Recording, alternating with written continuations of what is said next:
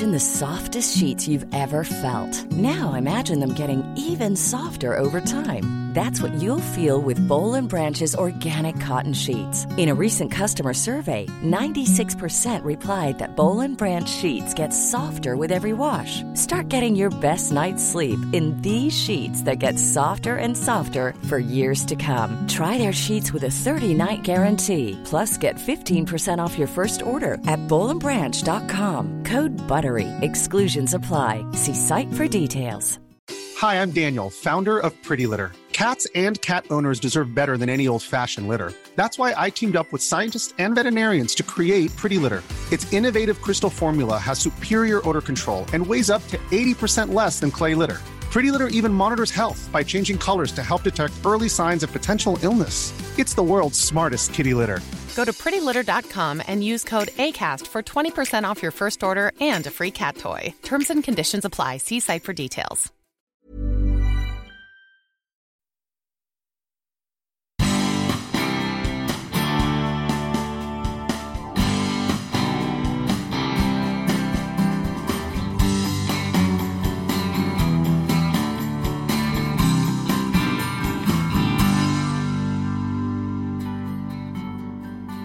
Så där stod jag liksom och klockan var typ så tre på morgonen. Där stod jag så här, i morgonrock och helt sotig och så en halvsmält tvättkorg med två katter i en plånbok och bara, ja, det här är mitt liv nu. Alltså kvinnlig frigörelse handlar om att jag ska få göra exakt vad jag vill med min sexualitet utan att någon som helst ska ha något som helst inflytande över det. Ingen ska döma mig, ingen ska säga vad jag får och inte får göra. Så länge jag inte skadar någon annan och så länge alla inblandade är samtyckande vuxna så ska alla bara fucka off med sina åsikter och det är feminism. Ja, det är fult. Du ska ju helst då ha verkt fram din text under en basker badande i rödvin under sju år och helst ska du ha lidit hela vägen och bott på gatan. Men det där är ju trams. Caroline Greenwalker kunde skriva långt innan hon som sexåring började skolan. De första nio åren avslutades med högsta betyg i alla ämnen och sen bar det av till landets enda folkhögskola för rockmusik. Nästa steg skulle bli utbildning till advokat ett obevakat ögonblick, två katter och ett levande ljus kastade hennes liv åt ett helt annat håll. Men en sak hade hon varit säker på sedan ungdomsåren. Nämligen att hon ville bli författare. För då kan man, som hon säger, jobba i morgonrock och dricka sitt kaffe i fred. Det första bokkontraktet fick hon genom Camilla Läckbergs agent. Numera skriver hon uppåt 20 böcker om året. Vi pratar också om att hon, efter att ha läst Bibeln, inser att Gud är en oskön typ. Hur hon som tioåring skrämde skiten ur sin terapeut. Varför striptease är världens enklaste sätt att tjäna pengar och varför ChatGPT är värdelös som skräckförfattare. En disclaimer innan vi börjar. Allt som sägs av mina gäster behöver nödvändigtvis inte vara detsamma som mina åsikter. Men det har de flesta av er redan fattat. Nu kör vi!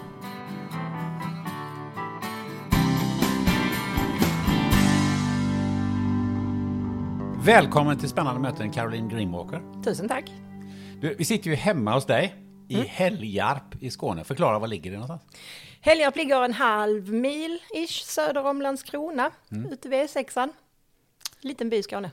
Liten by i Skåne eh, och i det här huset finns det fantastiskt mycket böcker. Ja, ja. det finns det. Jag tror, jag räknade någonstans mellan 3 och 4 tusen böcker har vi, pappersböcker alltså. Mm. Räknar vi ljudböckerna och e-böckerna också så kommer vi nog upp i det dubbla kanske. Mm.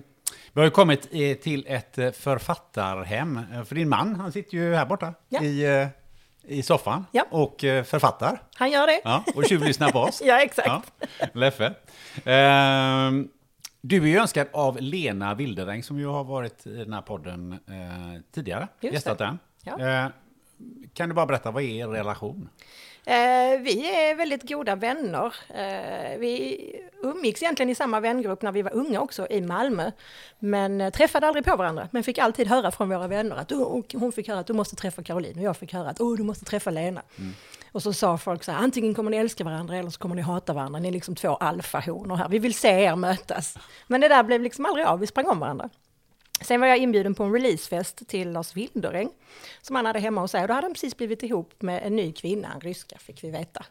Och så kom vi dit och så var det Lena. Mm. Det var så häftigt för hon var så här, jag har hört så mycket om dig och jag hade hört så mycket om henne. Och sen dess har vi varit väldigt goda vänner, det är typ tio år sedan.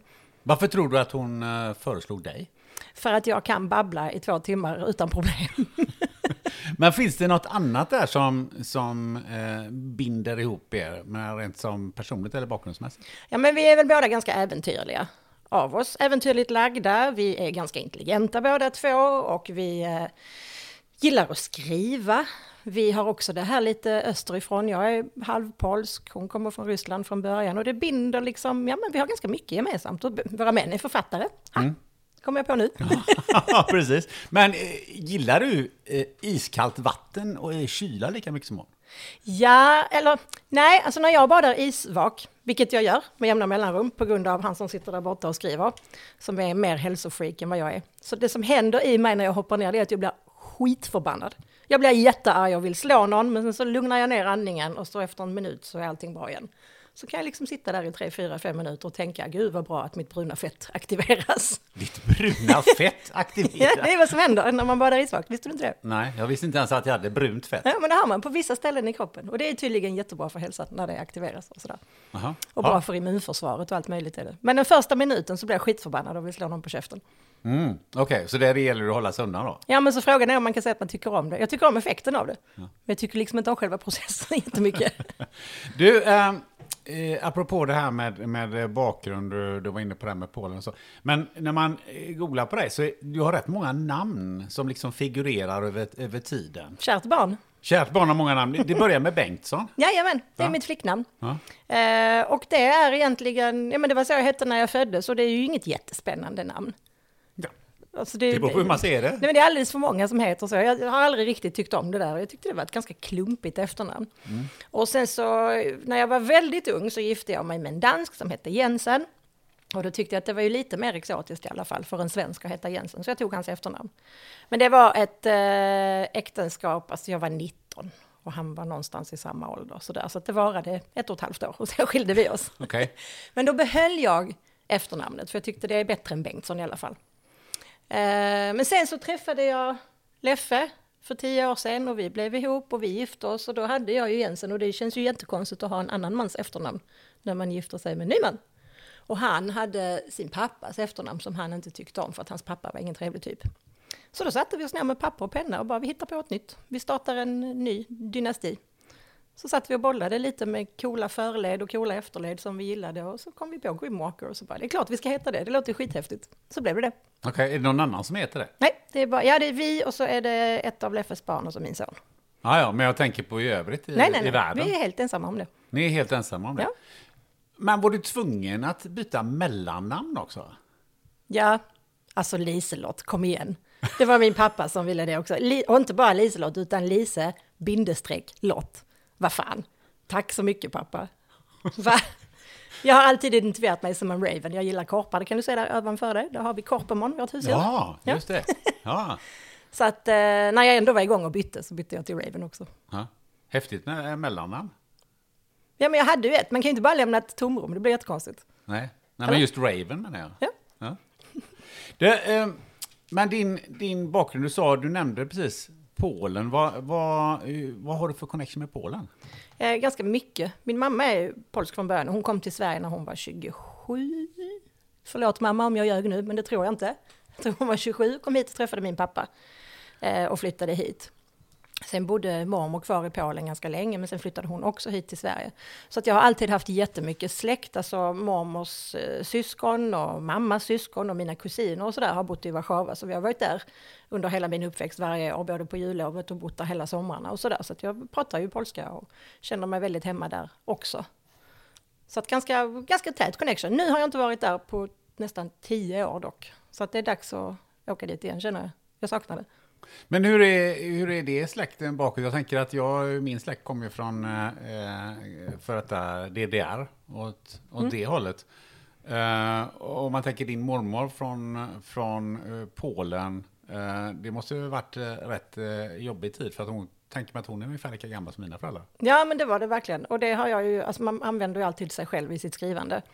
Eh, och första delen i Trickster-serien som heter Rekryteringen, där har ju huvudpersonen fått min bakgrund.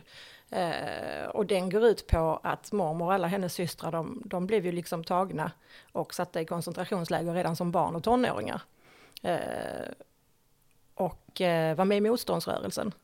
Så att de var liksom, mormor var ganska ung när kriget bröt ut, hon är född 30 så då var hon nio. Eh, och hennes äldre systrar var liksom 14 och 15 och 16 och 17 och de var med i motståndsrörelsen Eh, aktivt. Och en av dem, den äldsta Marta, hon blev tagen och satt i Auschwitz och ihjäl torterad tyvärr, 19 år gammal. Eh, det har Röda Korset kommit fram till i en utredning sen. Och det där är ju sårigt och jobbigt men det är ju också en jävla stolthet. Alltså fatta vad coolt. Unga tonårsbrudar som bara, nu gör vi motstånd, fuck de här jävlarna. Ja, hur har det spilt över på dig, tror du? Jag har absolut inte gjort någonting aktivt på samma sätt som dem, det kan jag absolut inte påstå. Men ändå någon slags direkt och instinktiv avsky mot allt vad xenofobi och rasism och nazism och högerextremism heter. Liksom, I min familj så har det lett till att folk dör. Så, så att jag har väl kanske närmare koppling till det än någon som är helsvensk i min ålder kanske har. Eh, så. Eh, och så att jag använder det i mitt skrivande. Jag, jag har alltid varit liksom engagerad att det här måste lyftas och det får inte glömmas. Och så till exempel kan man använda det då genom att skapa en Ina Farkas som får den här bakgrunden. Sen får hon ju då dessutom i uppdrag att infiltrera ett gäng svenska högerextremister. Eh, trots att hon har den bakgrund hon har. Det blir ju jättejobbigt för henne. Men du, nu nämner du en massa saker. Du, du, du är ju författare, vi ska komma in på det. Men berätta, vad, vad, vad, vad, är det där för en bokserie? Det där är en bokserie. Alltså jag, jag och min man, vi kallas Sveriges mest produktiva författare och det kallas vi för att vi är det. Förra året släppte vi väl 15 böcker. Han släppte 15 och jag släppte 12. Och vi skriver väldigt, väldigt mycket för att vi tycker det är väldigt roligt. Men just den här bokstäven heter Trickster. Första boken heter Rekryteringen, finns redan ute. Andra boken heter Undsättningen och tredje boken Maktövertagandet kommer ut i mars. Eh, och den handlar om en tjej som är bedragerska och polis och utredare på ett försäkringsbolag och som i början av bok ett sitter häktad för ett mord som hon kanske, kanske inte har begått ska jag väl inte avslöja om det är så eller inte. Liksom. Utan sen får man följa hennes resa och hon blir då rekryterad till en organisation eh, som vill stoppa in henne på ställen där man stoppar in folk som kanske inte riktigt är som alla andra. Och ett av de här uppdragen är då att hon ska infiltrera den svenska extremhögern. För de planerar någonting, man vet inte riktigt vad. Så man vill att hon ska in där och ta reda på vad det är. Eh, och hon är en kvinna som löser sina problem med nävarna. Hon är baserad på min man. Eller hur han var när han var, var ung, ska jag poängtera. Han gör inte så längre. Men eh, hon har, vad kallas det, intermittent explosivitet liksom. När man, hon blir förbannad och då slåss hon. Och sen ångrar hon sig alltid efteråt och liksom tänker varför blir jag dum i huvudet så fort jag blir arg? Kan jag inte lära mig att prata? Så. Men det är en ganska intressant huvudperson att följa, både som författare och som läsare, inbillar jag mig. Hur mycket är det relaterat till det eh, samhället som vi ser växa fram här i Sverige då, tänker jag? Ja, men jättemycket. Såklart. Alltså jag använder ju alltid mitt engagemang i olika frågor i de olika bokserierna. Eller alltid gör jag väl inte det. Men just Trickster-serien är ju väldigt tydligt antifascistisk och antirasistisk och antinazistisk. Sen har jag en annan bokserie som heter Vågbrytarna där jag har mitt feministiska engagemang. Och till och med radikalfeministiska engagemang. Jag, jag, är så, jag trivs i det här landskapet som är osannolikt men inte omöjligt. Jag vill skruva upp allting till max och se vad som händer. Så i Vågbrytarna så är det en grupp tjejer som börjar läsa skummanifestet. Och så bestämmer de sig för att Valerie Solanas har rätt, män måste utrotas. Vad är skummanifestet? Skummanifestet är en bok av Valerie Solanas som kom väl på 60-talet om jag inte ljuger nu. Eh, där hon driver tesen att män är roten till allt ont i samhället och vi måste utrota alla män. Eh, någonting som inte jag håller med om men det är en väldigt inflytelserik bok i den feministiska rörelsen. Och så tänkte jag men vad skulle hända om liksom en grupp tjejer bestämmer sig för att nu tar vi och gör det här. Så att eh, det börjar härja en skytt i Malmö som väldigt snabbt får epitetet laserkvinnan. För att man räknar ganska snart ut att de som skjuts är män och de skjuts för att de är män. Punkt slut, inget mer liksom. Och vad händer då? Det vill jag utforska. Så då har jag skrivit fyra böcker i den serien nu. Det blir inte fler heller. Den fjärde kommer nu 27 december faktiskt. Mm. Men tillbaka till det här med, med eh, högerextremismen och, och eh, ditt, eh, ditt engagemang mot den. Eh, men har, har du funderat på varför har den vuxit fram här i, i Sverige i form av, eh, ja det är ju en, i alla fall en, en femtedel av eh, svenskarna som råkar rösta på. Ja, och jag vet inte, alltså det, om du frågar mig på en cynisk dag så säger folk att 20% av folket kan ju inte vara dumma i huvudet. Men jo då, det kan de. Eh, så då skulle jag svara att det beror på att folk är dumma i huvudet. Frågar du mig på en mindre cynisk dag så skulle jag svara att det beror på att folk är rädda. Folk matas med dåliga nyheter man får inte höra att på den här gatan hände det inget överfall idag, på den här gatan skedde det ingen sprängning idag, på den här gatan skedde det ingen våldtäkt idag. Hade man fått det satt i det perspektivet och sen händer det en sprängning någonstans så kanske man hade varit lite mindre benägen att tro att det skjuts och sprängs precis överallt, precis hela tiden. För det gör det faktiskt inte. Vi lever i ett av världens tryggaste länder. Men det är lätt att glömma bort när man läser rapporteringen. Och det är då ska jag inte förminska de sprängningar och skjutningar som faktiskt händer, de är ju fruktansvärda. Men det är ganska lätt att få en bild av att det är värre än vad det är. Det är som, alltså när Katarina Janouch går ut och skriver i sitt magasin att det här är som Racka, så vill man ju bara slå henne med något hårt i skallen. Åk till Racka, bo där ett halvår, kom tillbaka sen och säg, säg om du fortfarande tycker samma sak. Liksom. Jag blir bara arg. Mm. Och lite Nej. trött. Ja, det är ju ganska intressant faktiskt. Jag tror vi kanske kommer tillbaka till det här, vi ska ju prata om eh, böcker och sådär. Mm. Men eh, jag funderar på tillbaka där med de rötterna du har. Hur, hur var din egen uppväxt? Eh, det beror också på vilken dag du frågar mig. Ja, okay.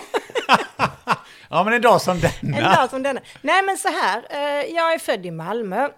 Bodde där de första par åren av mitt liv och sen så flyttade vi till Höllviken som ju då är ett av de rikare samhällen som finns i Sverige egentligen. Eh, och då kan ju alla tycka, gud vad, vad rika ni måste ha varit. Men det var vi inte alls. Min mamma var mellanstadielärarinna och eh, från att jag var sex eller sju så skilde min pappa och min mamma sig. Så att eh, då var hon ensamstående med två barn och skulle försörja oss liksom på mellanstadielärarlön som alla vet. Inte nu är den fetaste och aldrig har varit den fetaste. Så att jag var ju alltid den som hade fulast kläder och ärvda kläder bland barn som var väldigt, väldigt rika. Det var ju mindre kul. Så. Vad medförde det? Ja, men, eh, att man blev retad. Liksom. Och sen har jag alltid varit, som du hör, babblig och står på mig och har ganska starka åsikter. Och det gillas inte från en liten tjej. Och jag var dessutom ett år yngre än alla andra i min klass. För att jag krävde att få börja skolan för att jag tycker att jag är särbegåvad, fattar det. Eh, du krävde det själv alltså? Ja. Var inte din mamma som tyckte Nej, nej, nej, utan min, min granne skulle börja skolan och han var ett år äldre än jag, så sa jag vill också börja skolan och då hade jag ju redan läst och skrivit i flera år. Så då gjorde de någon slags text på mig, liksom, Klara, kommer hon klara av det här? Så. Och så fick jag det.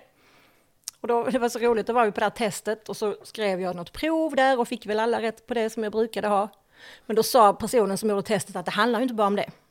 Det handlar väldigt mycket om mognad och att man måste kunna sitta stilla.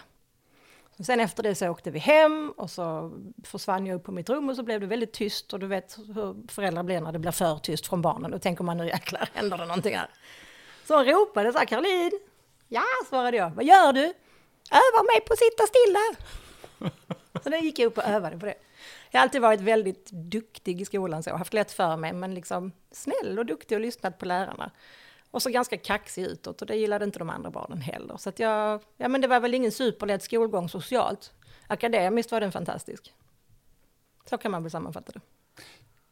Eh, vad, vad, när du hade gått ur grundskolan, vad, vad hamnade du då någonstans? Då tyckte jag att jag var supertrött på skolan. Eh, Trots att du var bra? Ja, men jag blev ju aldrig stimulerad. Alltså jag, det var ju inga problem för mig att, att skriva jättebra på alla prov och så här, men jag fick ju aldrig gå vidare och gå vidare och framåt som man kan få idag. Jag har en son som också är särbegåvad. Eh, och han har liksom fått hoppa över årskurs 6. Nu går han första året på gymnasiet, eh, naturlinjen, men han räknar årskurs 3 matte.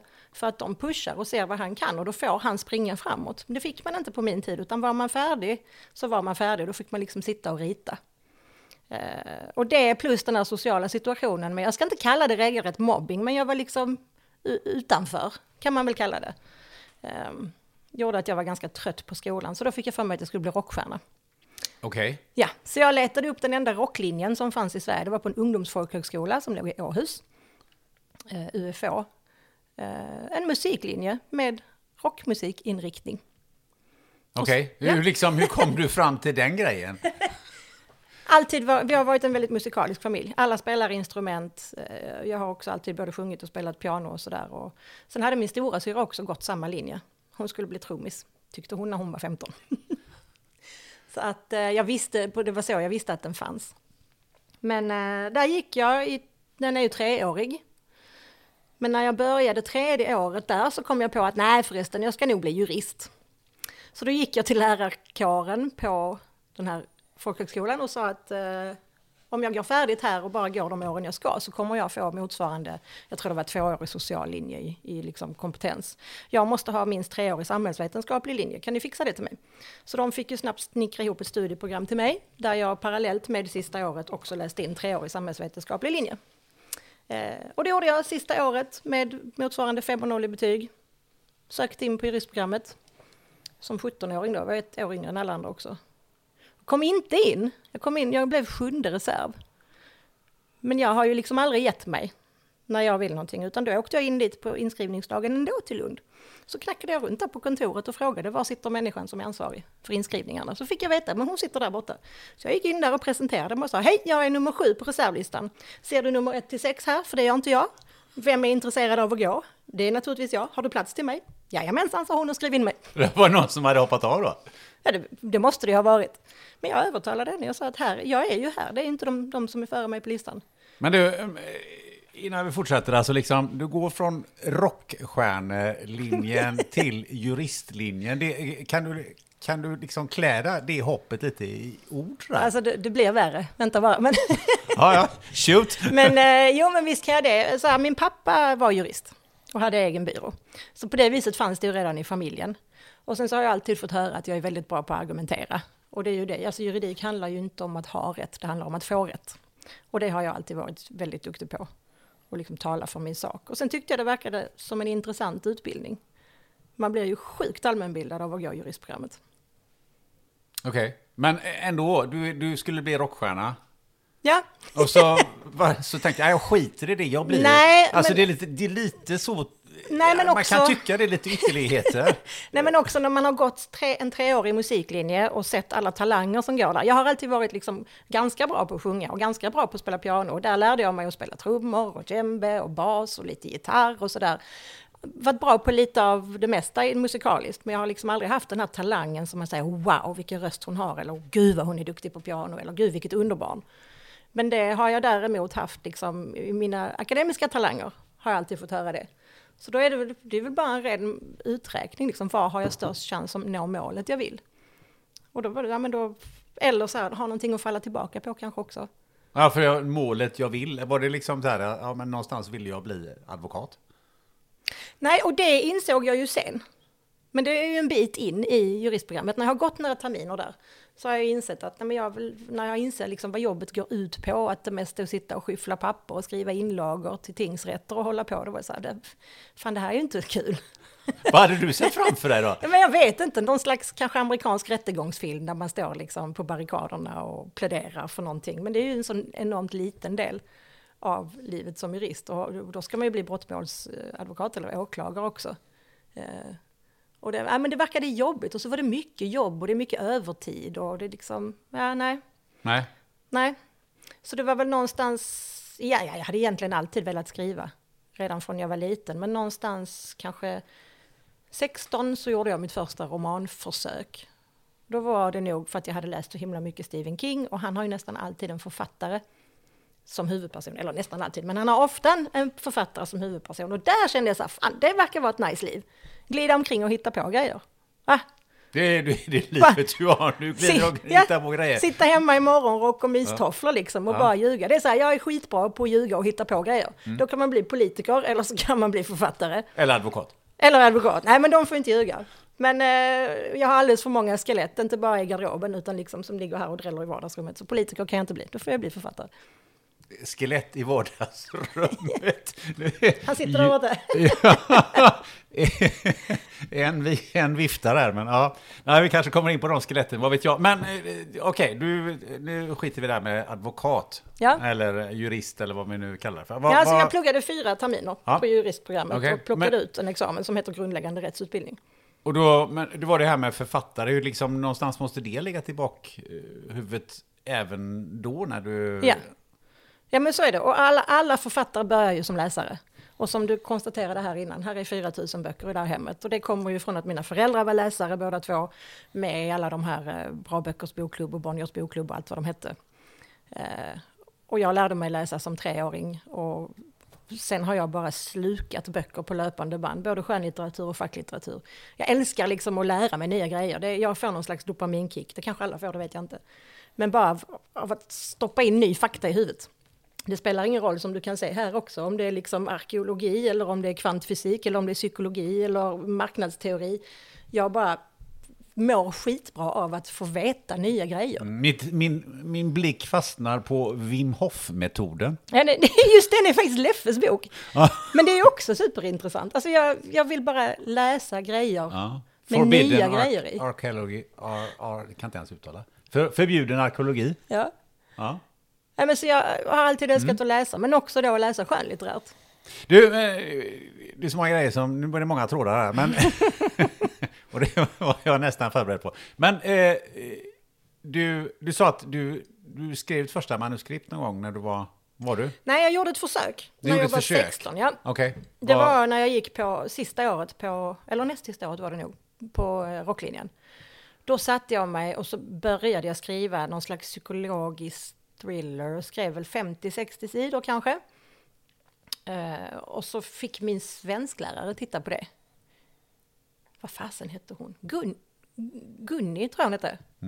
Eh, och hon fick titta på den och sen så tog hon med sig den hem och sen så kom hon några dagar senare med den här liksom bunten med papper och så gav hon den till mig. Så kunde jag se redan på avstånd att det var fullt med så här röda markeringar och röda streck och utropstecken och allt möjligt. Tänkte jag shit, det där har jag gjort. Men då när hon skulle räcka över den så liksom när jag tog tag i den så höll hon kvar den lite sådär och så tittade hon mig i ögonen så sa hon Caroline, det är det här du ska göra. Och det var ju skithäftigt.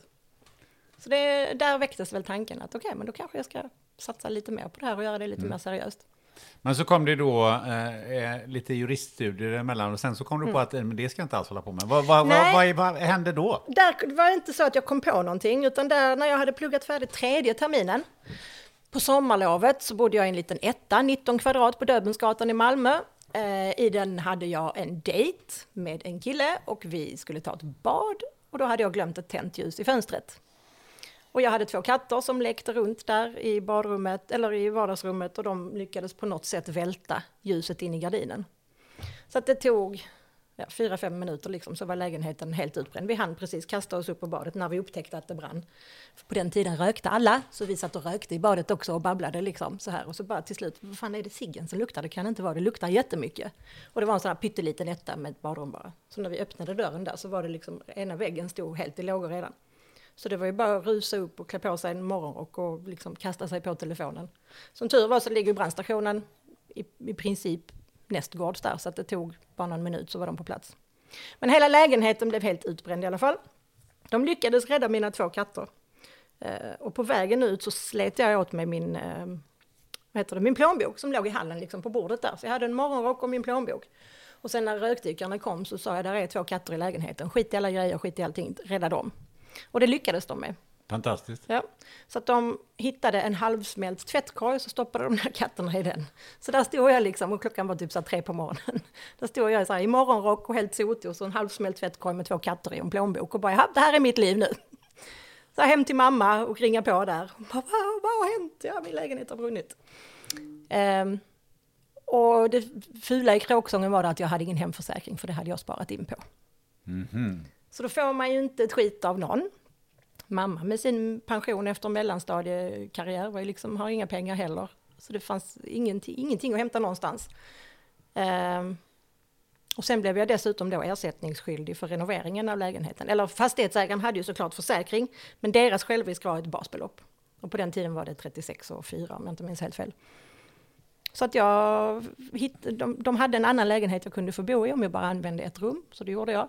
Och sen damp där ner en räkning. Liksom. 30 dagars betalningstid, ett basbelopp. Här, det är vår självrisk, du ska betala den. Okej. Och jag ägde en smält tvättkorg och två katter. Liksom, det var det, och så någon 50-lapp som jag hade i plånboken. Och jag gick till socialen och jag fick ingen hjälp för det var mitt ansvar att ha hemförsäkring. Det var ju, och det var det ju, det, det stämmer ju. Alltså jag kan ju inte klandra dem för att det är klart det var.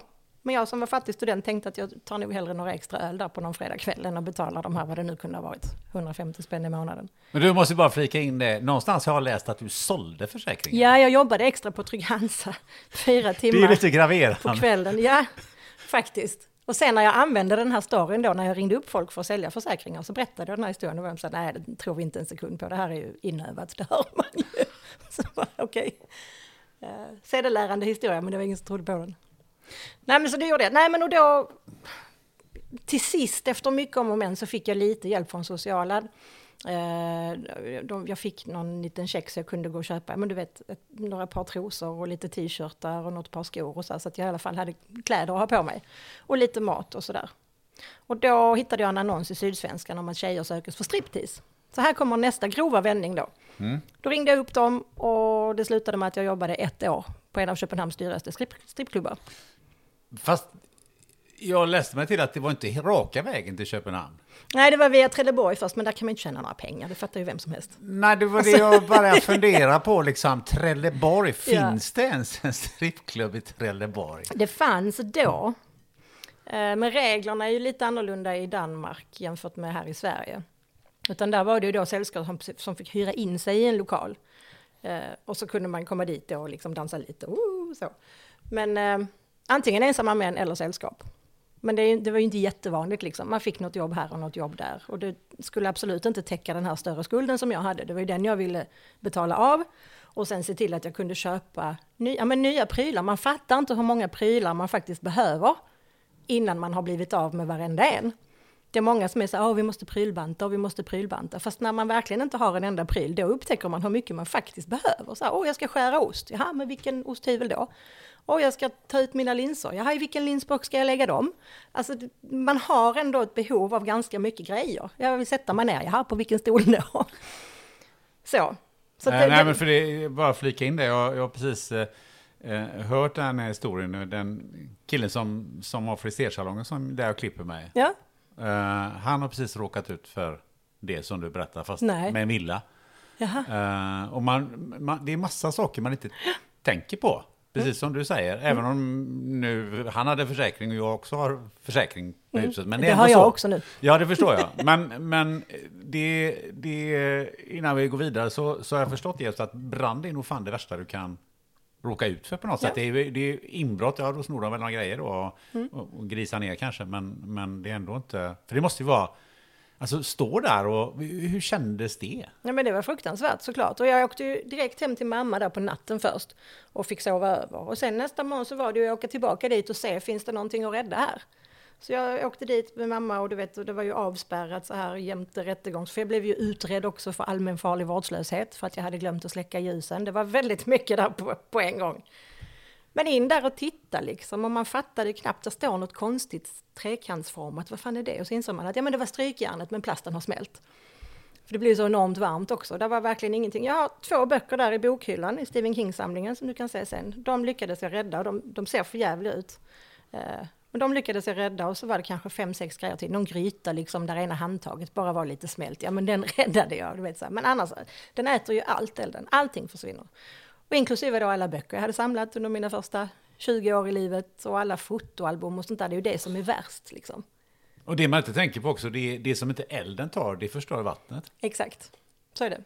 Allting blir sabbat. För det är inte lite vatten de häller i där nej, nej. för att släcka? allting blir ju sabbat. Och det är också för att rädda omkringliggande lägenheter och sådär. Så måste de ju verkligen mätta allting med vatten.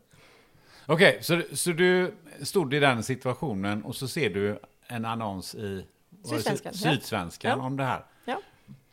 Men det, det, som jag funderar på lite sådär, det hade ju liksom inte vem som helst svarat på. Alltså, det, det, det, är, det är kanske inte det första man tänker på. Nu ska, jag, nu ska jag fixa pengar, för jag har en skuld och sådär.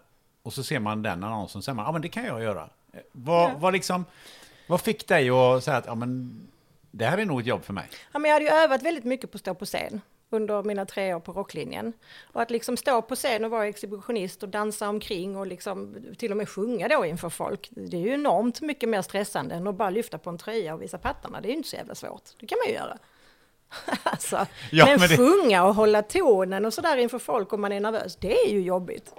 Men Fast... det här att liksom strutta omkring lite och vifta lite på olika kroppsdelar, ja, ja, det kan man väl göra. Så, det var ju till och med ganska roligt. Alltså jag, jag är ju ganska exhibitionistiskt lagd, jag älskar ju att stå på scen. Men om jag, jag, tar mig friheten och säger att det, så hade nog inte de flesta resonerat ändå. Nej, men jag resonerar ju inte som de flesta någonsin. Har du inte fattat det? Jo, det, det, ja, men jag, bara, jag bara tänker göra en... Det var ändå så att det kan ju vara bra att göra en reflektion på det som... Okej, okay, jag tyckte det här kändes ju fullständigt eh, naturligt, eh, så som du uttrycker det. Medan, an, medan de flesta andra skulle tycka att det, här- det där är det sista jag skulle göra. Mm. Hur, har du nog funderat någonting på det? Varför tänker de andra på ett annorlunda sätt? Att du inte gör det, det är helt uppenbart. Men, men varför Nej, men jag är det vet så? inte. Det är, och det är kanske konstigt också just om man tänker på vilket land jag kommer ifrån, det med att uppvuxen i ett katolskt hem och sådär, där det är väldigt mycket skambeläggning kring sexualitet och så här. Men det är kanske en reaktion mot det också. Alltså att jag sparkar bakut när någon försöker tala om för mig vad man ska och inte ska skämmas för. Då blir jag förbannad och tänker bara för det ska jag göra dubbelt så mycket av det du tycker att jag ska skämmas för. Så. Från Trelleborg till Köpenhamn, var, var, var hamnade du någonstans? Då hamnade jag på Köpenhamns absolut dyraste champagneklubb kallas de för. Och då går jobbet ut på, alltså man är egentligen inte så mycket på scen, utan det är man fyra gånger per kväll och man jobbar enkelskift, två låtar bara. Så struttar omkring och sen så precis på slutet så liksom, åh, tar man av sig så att man är i bara trosor. Och sen springer man av. Det låter lite så här som blottar ungefär. Ja, lite du gör så. den här rörelsen sådär. Ja, men lite så. Eh, och så resten av tiden går man ju omkring i, i fina aftonklänningar bland borden där och försöker sälja in dyr champagne. Och det gör man genom att sälja in sitt eget sällskap också, det vill säga man sätter sig ner, man hälsar lite, oh, vem är du, var kommer du ifrån, bla bla bla. Och sen så, nu måste jag tyvärr gå härifrån, om inte du köper en flaska champagne så kan vi dela på den. Och fortsätta babbla. Så då vill det ju till att man är ganska bra på att babbla och vara intressant, för då vill folk att man ska stanna kvar. Eh, och det har jag ju aldrig haft några större problem med. Så att eh, jag blev ganska snabbt bästa säljaren på stället liksom. Så, och jag tjänade väldigt mycket, vänta jag ska räkna efter, jo det är preskriberat, jag tjänade väldigt mycket svarta pengar på ett år där. Så att jag kunde liksom skapa mig ett liv igen, jag kunde ersätta alla prylar jag hade förlorat, jag kunde betala av den där jäkla skulden. Så, och sen, tanken var att jag skulle vara där i en termin, så jag hade lämnat in att jag skulle ta en termins eh, paus från juristlinjen. Eh, och det är för övrigt jätteroligt, det är ju någon slags trop i så actionfilmer eller i, i lite snuskigare filmer så är det ju I'm paying my way through law school, yeah right. Och så när jag kom där och bara, jag, jag går egentligen på juristlinjen, det var inte en jävel som trodde på mig. Men eh, jag är det levande beviset på tropen. Det finns tjejer som är extremt smarta och som jobbar på de här ställena. Faktiskt de flesta skulle jag säga.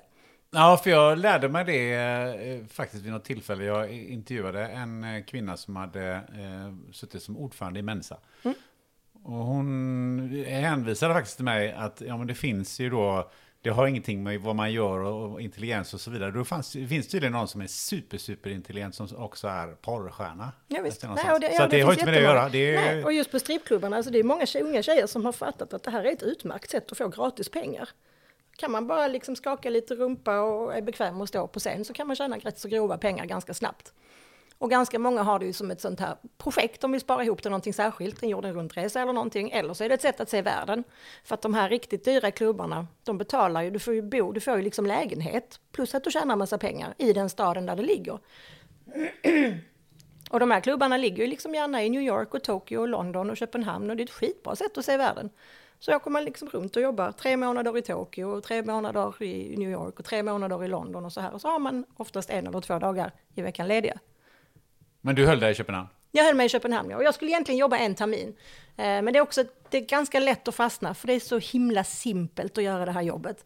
Alltså det är inte själsligt utvecklande för fem öre. Det är inte utvecklande någonstans. Plus att du häller i dig alkohol varenda gång du jobbar, för det är ju det jobbet går ut på. Så fort de har beställt in en flaska champagne så måste man ju dricka upp den fort för att de ska beställa en till. Och sen tjänar man ju 15 procent då på all champagne som man lyckas sälja. Så att ju snabbare man kan bli av med den där champagnen, desto snabbare kan man få in en flaska till. Och då han- handlar det ju om att hälla i sig liksom. Eller hälla ut i någon blomkruka eller sådär. Ja, för man måste ju bli snörfull om man håller på Ja. att hälla i sig en massa Ja, ja, champagne. men sen så det blir ju som allt, allt som man utvecklar en toleransnivå. Och det är det jag tror, många som blir kvar för länge i jobbet, de blir ju alkoholister. För att jobbet går ut på att dricka champagne. Så. Eh, och så är det skitlätt och så är det ganska stora pengar. Så det är lätt att fastna om man inte har andra mål framåt. Så, så att jag fastnade faktiskt. Jag var inte kvar ett halvår, jag blev kvar ett år istället. Och sen var jag så, nej, nu, nu börjar det bli lite för bekvämt här. Nu måste jag tillbaka. Men hur ska jag fatta här nu då? Alltså, eh, vad, vad kostar en flaska champagne på en sån här eh, klubb för att man ska få sitta och köta med dig? Den absolut billigaste var en halv flaska och den kostade 1000 danska. Och sen gick de upp till, jag kommer inte ihåg, 14 500 tror jag och det är den vanliga flaska champagne. 14 500? Ja, ja, men det är ingenting. Alltså, det är män som kommer in på de där ställena gör ju av med 200-300 000 på en kväll. Det är inga konstigheter. Och sen slänger de liksom 25 000 i dricks när de går också. Det handlar ju om män som vill visa sina ekonomiska muskler. De kanske har med sig kunder från ett bolag som de ska göra affärer med och så vill de imponera på dem. Alltså det är ju den typen av klientel ganska ofta. Det är rika män som inte bryr sig så mycket om det går en 100 000 här eller 150 000 där. Eh, ja, för jag tänkte just komma in på det. Vad, vad är det för eh, klientel och publik som, som kommer in på ja, sånt men det här är ställe? resande affärsmän, mest. Det är klart att det kommer in så här grabbiga grabbgäng och svensexor och sådär, men det är mer lite tidigare på eftermiddagen eller på kvällen. De kommer in som en ploj och dricker en öl och liksom, oh, kolla din tutta på scenen. Men senare på kvällen så är det ju de här affärsmännen som reser och är på konferens eller är på något, har med sig kunder som de ska ut och show a good time liksom. Hur mycket hur många flaskor champagne kunde du sälja in på en eh, kväll? Lätt, tre, fyra, fem, sex om det gick riktigt bra. Men då var det blomkrukorna? Måste Ja, ja också. Eller bara rakt ut på golvet eller oh, jag måste gå på toaletten och så byter man ut det mot läsk liksom på vägen tillbaka. Det är en smutsig bransch, såklart. På vad sätt är den smutsig? Därför att man lurar ju folk, man lurar ju männen. Ja, men det är ju lite så. Ja. Går de inte in med öppna ögon där så? Ja. Eller? Ja, jag vet inte. De kanske inte tänker att man ska hälla ut 14 000 kronors champagne i toaletten liksom. Idag finns det väl sådana som gör det utan att gå på en klubb. Ja, ja, kanske. Jag vet, jag vet man- faktiskt inte. Det här, man är ju det här är länge sedan. Det här är ju, vad fan är det, det är 25 år sedan, herregud. Ett kvartssekel sedan. Men jag bara funderar på hur... hur ehm, eh, de flesta hade nog tyckt liksom, men fan, man är uttittad och blir lite det här att, eh, ja, men som tjejer exponerar sig. För det är ju ganska intressant att höra att du samtidigt är feminist och, Mm. och har liksom de... Hur, hur, får du ihop det? Det är jag och Linda Skugge. Ja, men det, jag har inte intervjuat Linda Fast, jag, Skugge. fast jag gjorde det hon gör nu redan för 25 år Ja. sedan. Ha! Men hur får Nej, men vadå, det? vadå, hur får jag ihop det? Alltså kvinnlig frigörelse handlar om att jag ska få göra exakt vad jag vill med min sexualitet utan att någon som helst ska ha något som helst inflytande över det. Ingen ska döma mig, ingen ska säga vad jag får och inte får göra. Så länge jag inte skadar någon annan och så länge alla inblandade är samtyckande vuxna så ska alla bara fucka off med sina åsikter och det är feminism. Berättar du detta för, för andra att du Jajamän. jobbade där? Jag bjöd in min mamma och min stora syster också till klubben och de kom över och tittade en kväll. Okej. Jajamän. Hur, hur reagerar folk i allmänhet när du berättar det? De flesta tycker nog det är rätt coolt och de vill höra mer. De tycker det är spännande. Jag är ju lite trött på att prata om det, tror det eller ej. Liksom. För det här är som sagt det är 25 år sedan.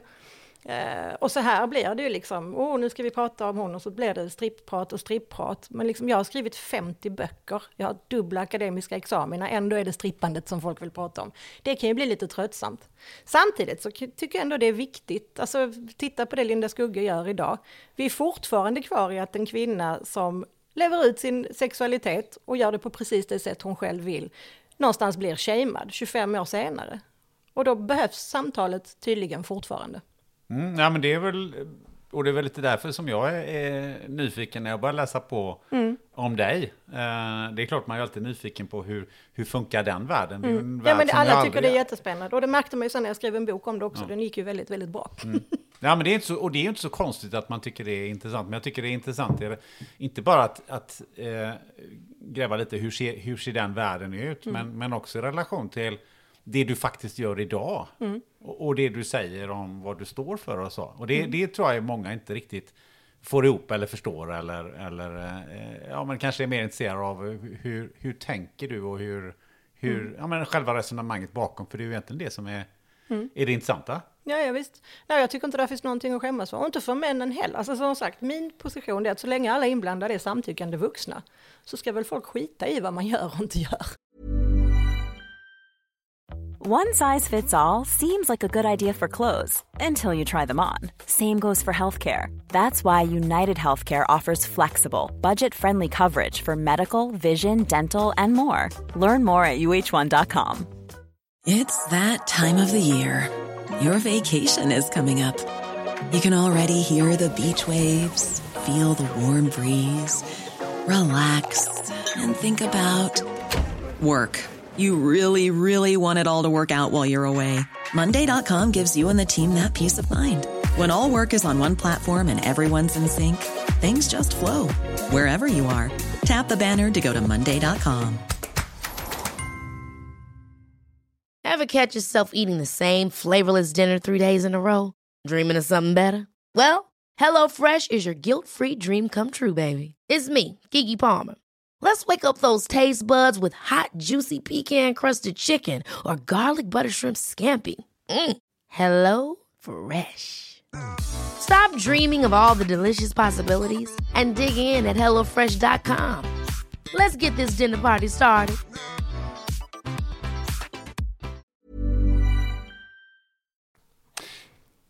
Det som man också får eh, en att tänka när man, eh, när man hör på dem, om de här grejerna, det är ju liksom att det finns en smutsig värld i form av att det finns en rätt mycket kriminalitet runt det här.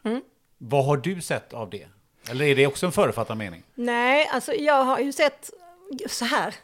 Eh, I Danmark så är prostitution lagligt. Eh, Det som inte är lagligt är koppleri. Eh, Så var det ju här i Sverige också fram till sexköpslagen kom. Ehm, Och då minskar man utrymmet för de här mörka krafterna. Precis som det är nu med, med droglagstiftningen som bör ses över. Min bestämda åsikt är att allting borde legaliseras, beskattas, kontrolleras och säljas på knarkbolaget. För då slår vi undan benen för de här gangstrarna som springer omkring och skjuter varandra på stan. Inte 100 procent, men väldigt, väldigt mycket. Titta på the prohibition i USA, hur bra gick det? Hur mycket växte inte gangstrarna när alkohol var förbjudet? Jag tycker det är ett idiotiskt sätt att försöka förbjuda bort grejer som människor alltid kommer att ägna sig åt. Människor kommer alltid ägna sig åt sex. Människor kommer alltid ägna sig åt att berusa sig. Vi är apor som tycker om sånt här. Och då måste vi ju någonstans leva med den verkligheten. Okej, men tillbaka till min eh, fråga. Vad, vad för typ av kriminalitet har du sett och, och hur, vilken typ av kriminalitet finns det runt det här? Alltså nu vet jag inte, det här är som sagt 25 år sedan. Men, och i Köpenhamn, eftersom det var lagligt, så blev det ju inte så mycket kriminalitet. Utan det som jag såg då, det var ju när, men, du vet, när MC-gängen kom in och skulle ha fest på stället. Och så här, den typen av krim, alltså att man ser de kriminella. Men de betedde sig ju fortfarande på ett sätt som var lagligt när de var där. För att det var fullt lagligt. Eh, och sen, eh, alla tjejer jag jobbade med var där frivilligt. Det var inte en jävel som var traffickad på något sätt. Med det sagt så var det här den dyraste klubben i Köpenhamn. Jag tror säkerligen att hade man gått in liksom på någon bakgata och ner i någon källarbordell så tror jag verkligheten ser helt annorlunda ut. Det är en enorm skillnad på frivilligt sexarbete och trafficking. Eh, och det är oftast det jag tycker folk har svårt att skilja åt i huvudet och det gör mig väldigt frustrerad. Att, så här, att vilja förbjuda frivilligt sexarbete för att trafficking finns tycker jag det är som att vilja förbjuda sex för att våldtäkt finns. Men jag tänker på en sån här eh, exklusiv eh, strippklubb. Någonstans måste ju ha funnits någon sorts bevakning runt omkring det. Annars kan du komma in. eh, Ja, ja, det är klart lite- det fanns ju dörrvakter och annat. Ja, såklart. Men alltså de flesta beter, alltså det är ju det, de här mc-gängen som kommer in, eller de här unga killarna, ja de kunde ju bli utslängda ibland om de klappade någon tjej som gick förbi i, i, i rumpan sådär, för det får man inte, man får inte lov att röra sådär.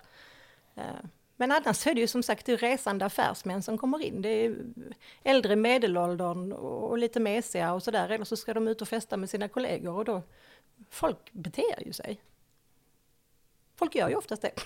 Beter sig hur då? Ja, men beter sig bra liksom. Hur nära prostitution kommer man i ett, eh, i ett sånt jobb? Jättenära. Eh, och när jag började så hade jag bestämt mig för att inte bestämma mig. Hur ska jag göra? Ska jag ta det steget eller ska jag inte göra det? Jag får se, jag får se liksom hur det utvecklar sig. Jag skulle säga att hälften av tjejerna ungefär på klubbarna, de prostituerar sig.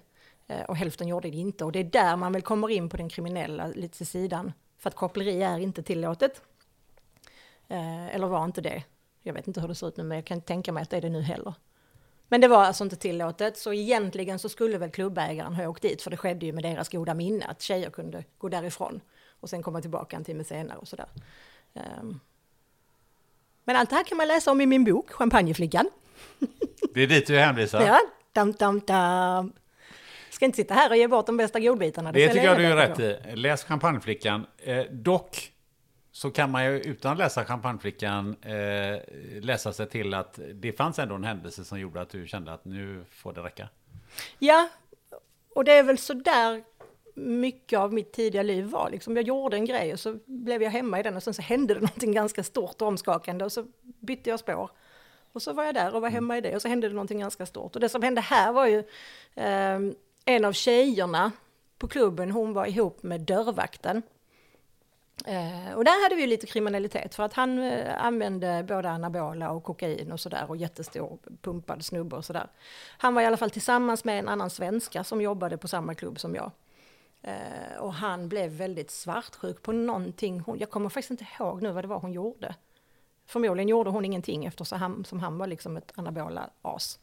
Eh, men han blev väldigt svartsjuk på henne och alla tjejerna delade lägenheter som låg ovanpå klubben liksom på några våningar. Hon bodde i rummet tvärs över från mitt. Eh, och någonting, han, han flippade ut, han gick och satte sig och väntade på hennes rum. Eh, och när hon kom hem efter en kvälls arbete så slog han ihjäl henne liksom där inne på rummet. Och då satt jag inne på mitt rum och hörde, för han sparkade in dörren och han sparkade in ytterdörren till lägenheten och sen sparkade han in hennes dörr och sen så stängde han till den och så satt han där och väntade på henne liksom. Och redan då när han började sparka in dörren så började jag liksom ringa folk. Eh, jag ringde klubbägaren, jag ringde vaktmästaren, men jag vågade inte, eller jag ringde inte utan jag smsade. För jag vågade inte ringa, för jag vågade inte prata, för då skulle det höras att jag var där. Och har han redan sparkat in ytterdörren och en dörr så kan han lika gärna sparka in min också, och, och då kanske inte jag lever mer. Så att jag skickade sms till klubbägaren, till vaktmästaren som bodde någon våning upp bara liksom, och det är någon som är här och håller på att sparka in dörren, kom hit och hjälp oss. Och så försökte jag smsa 112, det kunde man inte. Jag vet inte ens om man kan göra det idag. Nej, det vet jag faktiskt inte heller. Jag tror, Bra inte, fråga. Ja, jag tror inte man kan det, vilket är dumt, för det kan ju finnas massor med tillfällen där man faktiskt inte kan låta, utan man behöver meddela sig i text. Um, men det kom ingen och det kom ingen och jag sa till dem, ring polisen, sa jag ju till dem jag smsade, ring polisen, det händer skit här. Uh, och sen efter en stund då, efter någon timme eller sådär, då kom vaktmästaren. Eh, och då hade han redan slagit ihjäl henne inne på hennes rum, packat ner henne i en resväska och dragit därifrån den här dörrvakten. Okej. Okay. Eh, men han kom upp där och tittade lite på, liksom, på dörren och som var sönder och så här. Och så sa jag, men hallå du måste ringa polisen. Jag hörde att hon skrek, det har ju hänt någonting fruktansvärt här. Och då tyckte han att nej, vi ska inte blanda in polisen för att det är inte alla tjejer här som har arbetstillstånd.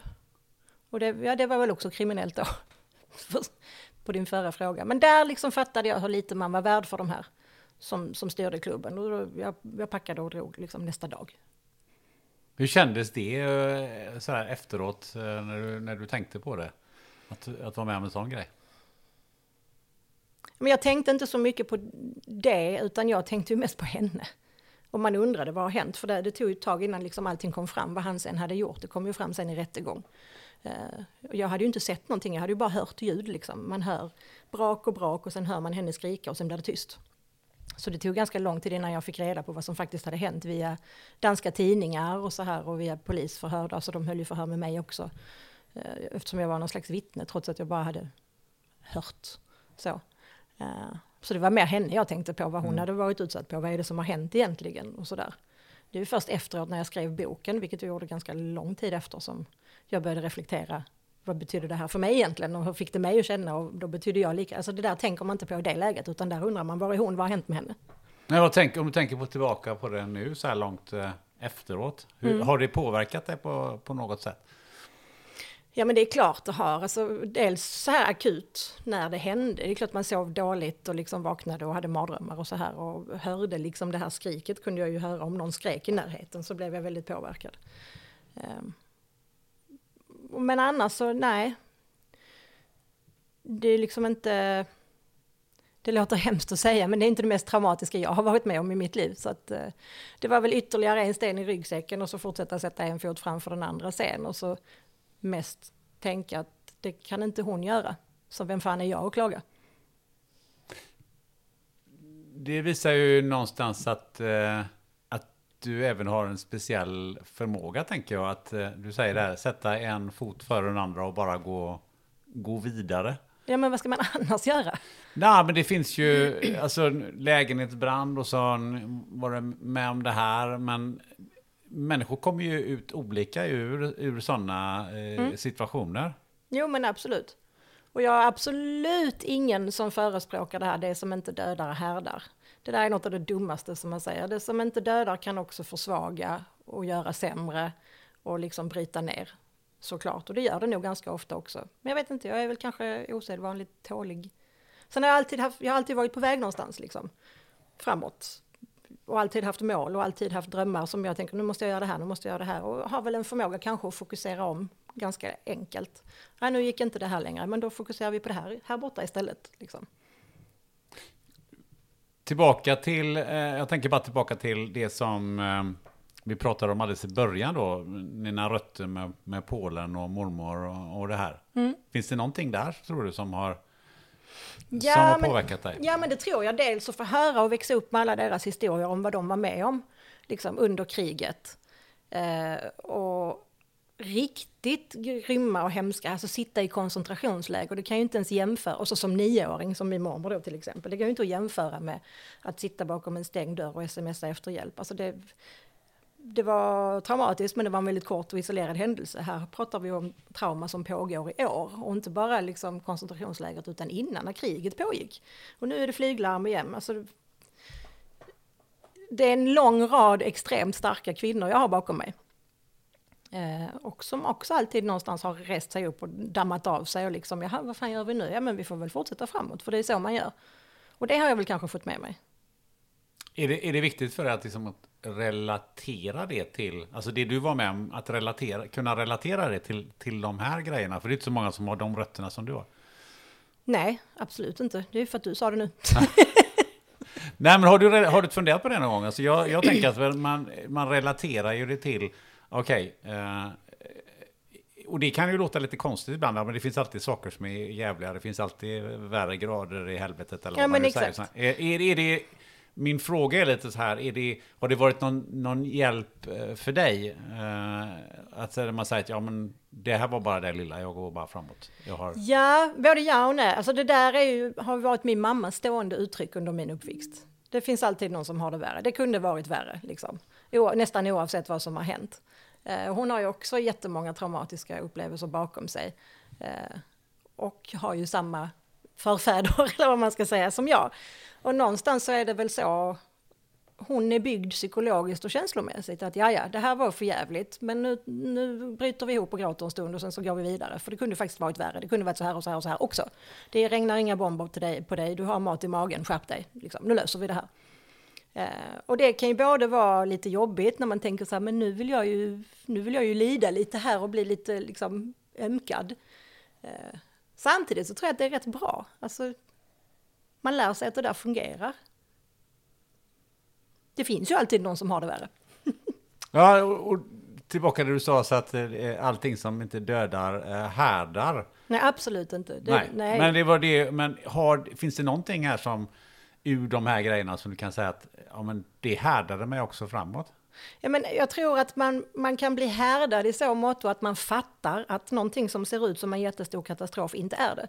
Och det kan man ju få med sig om man nu har gått igenom ett gäng katastrofer. Så kan man ju liksom se att, ja men vänta, jag har ju tagit mig igenom alla de här. Nu kom det en katastrof till, ja men då kommer jag ju förmodligen ta mig ur den här också. På det sättet kanske det kan härda och bygga någon slags, jag vet inte, krissjälvförtroende. Att jag, jag klarar det mesta som slängs på mig, för jag har klarat de här grejerna här bak. Samtidigt så är det klart att det kan skada och liksom göra en, det beror på hur man är byggd, konstruerad psykologiskt liksom. Det kan ju kanske göra en mer rädd eller mer liksom, eh, att man får ångest och så här. Jag har aldrig varit lagd åt det hållet riktigt, utan jag, jag är rätt så bra på att skaka av mig och fokusera framåt istället. Ja, för det finns ju en del som säger om det här har jag varit med om det här, nu behöver jag ha terapi. Ja, men jag har ju gått i terapi. Herregud vad jag har gått i terapi. Jaha. Eh, men jag vet inte om jag tycker att det har gjort så där jättemycket för mig. Jag läser hellre böcker och liksom tar till mig det jag behöver från dem. Både filosofi och psykologi och ja, men religion, allt möjligt. Jag tror där har varit min terapi, att läsa. Och också att läsa om andra som har varit med om traumatiska saker. Varför så, gick du i terapi? Eh, första gången jag gick i terapi, då var när jag var väldigt liten, när jag var tio år gammal. För att när jag var åtta blev jag utsatt för en våldtäkt av en granne, en vuxen granne. Eh, och höll truten om det i två år.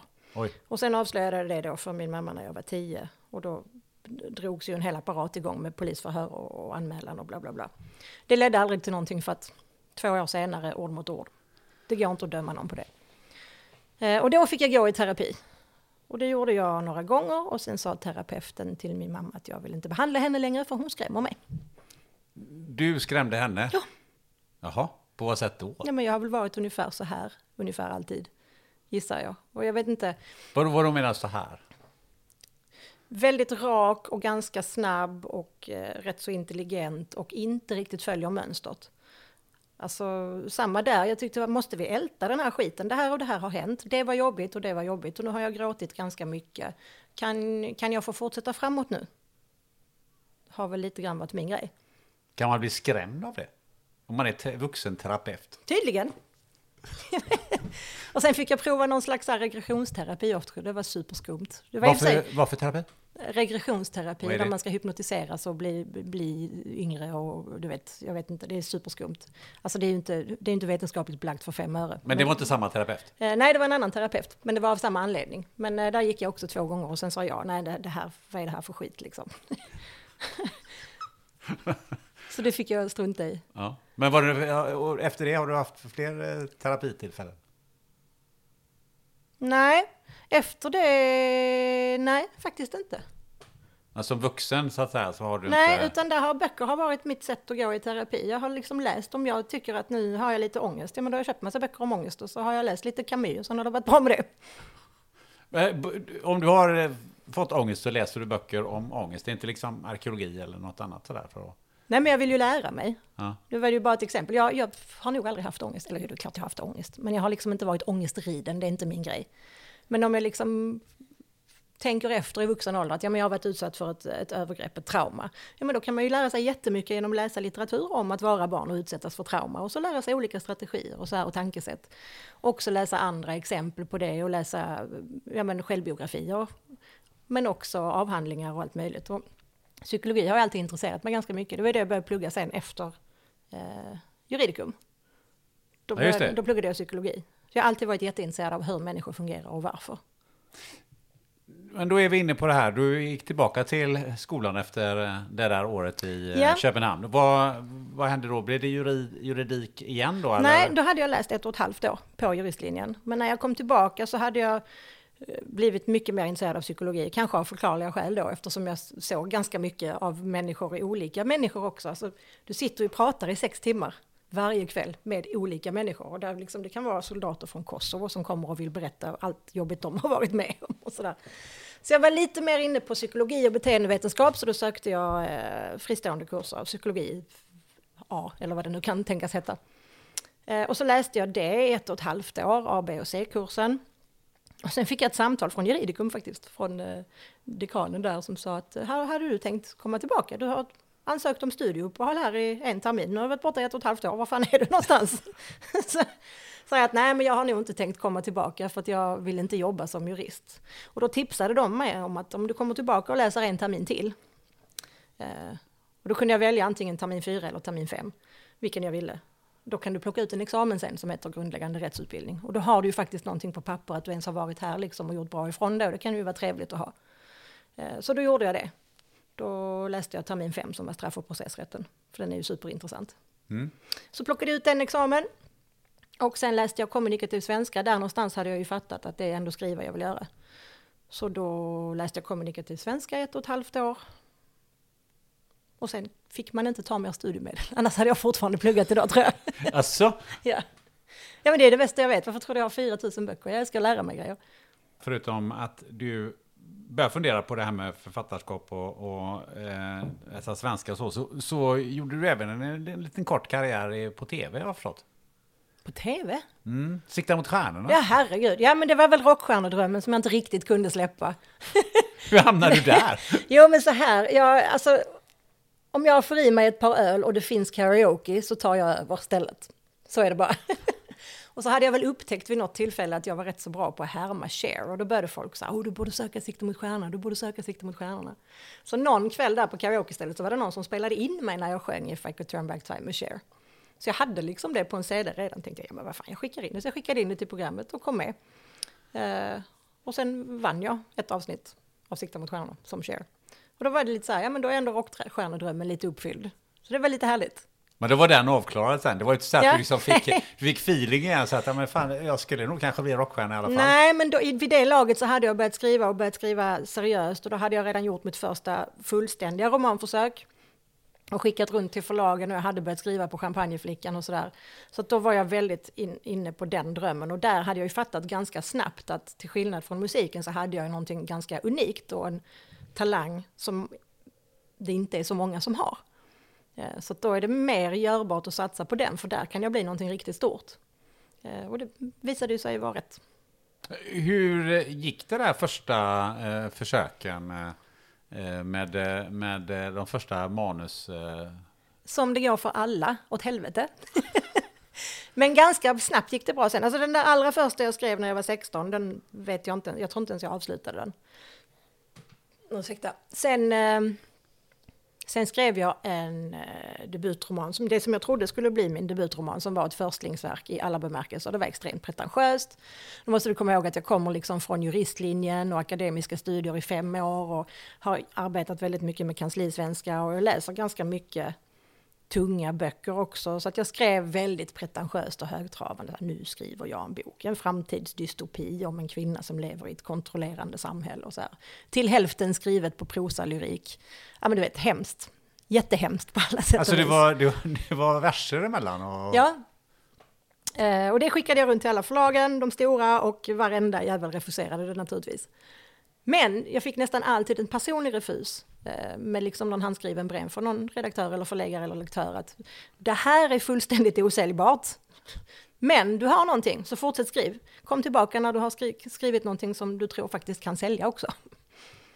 Uh, och det blir man ju uppmuntrad av, men så där går det ju för alla. Det där är ju den normala författarresan liksom. Stephen King har ju berättat i sina memoarer att han hade en 9 spik på väggen där han tryckte fram på sina refuser som han fick i början.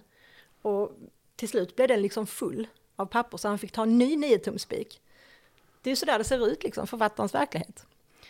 Men jag insåg ganska snabbt att jag har en story som kommer att sälja och det är storyn om året i Köpenhamn. Så efter att den här hade blivit, och Kyria tystnade hette den förresten. Eh, när den hade blivit refuserad av alla så tänkte jag, men vad fan jag skriver något som säljer det, jag skriver Champagneflickan. Och så gjorde jag det Eh, men eftersom jag aldrig gör som alla andra så gick jag inte till förlagen med den utan jag googlade vilken agent har Camilla Läckberg? Och så fick jag reda på vilken agent hon hade och så skickade jag ett mail till dem. Hej, jag har skrivit ett manus, vill ni ta er an det? Eh, och nu för tiden är det rätt vanligt att man gör så, men då var det nästan unheard of. Så jag fick ju svaret nej, vi tar oss an utgivna författare och så säljer vi dem utomlands. Vi tar oss inte an debutanter. Och då skickade jag ett foto på mig själv och manuset och skrev, ni kommer ångra er. Och dagen efter så hade jag ett möte vad, vad, var de, de fick, vad tror du fick dem att, att ändra sig då? Nej men de blev väl intresserade. Dels så eh, var jag snygg och de fattade att jag har humor och att jag liksom kan gå med på att liksom sälja mig själv och vara ganska framåt och det är ganska viktigt. En författare är ju inte bara en som sitter och skriver, det är få som kan vara Elfriede Jelinek och bara vilja sitta uppe på sin kammare och aldrig vara med i någonting medialt. Kan man snacka för sig och vara lite rolig så är hälften vunnet liksom. Så jag gissar att det var det de fastnade för. Eh, och då lyckades de få till budgivningskrig till och med. Mellan två olika förlag om det här manuset. Så att jag fick ett sexsiffrigt förskott redan då. På den tiden. Och sen kom den ut och så sålde den jättebra. Och blev månadens bok, så precis kring julhandeln. Alltså allting verkligen föll på plats jättesnyggt. Och den kom ut på Lind Company. Kristoffer Lind blev min första förläggare. Eh, och det gick super, superbra för den, verkligen. Så att sen dess har författarresan varit ganska självklar.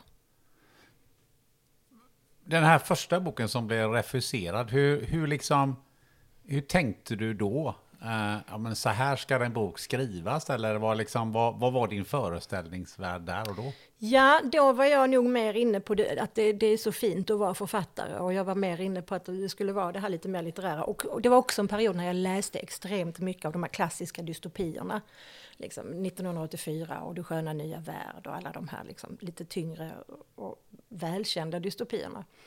Eh, och då blir det ju att man skriver det man läser när man är en ung författare. Så blir det ju. Eh, men jag ville också väldigt gärna skriva skräck. Som du ser där så består en av mina bokhyllor nästan uteslutande av Stephen King-böcker.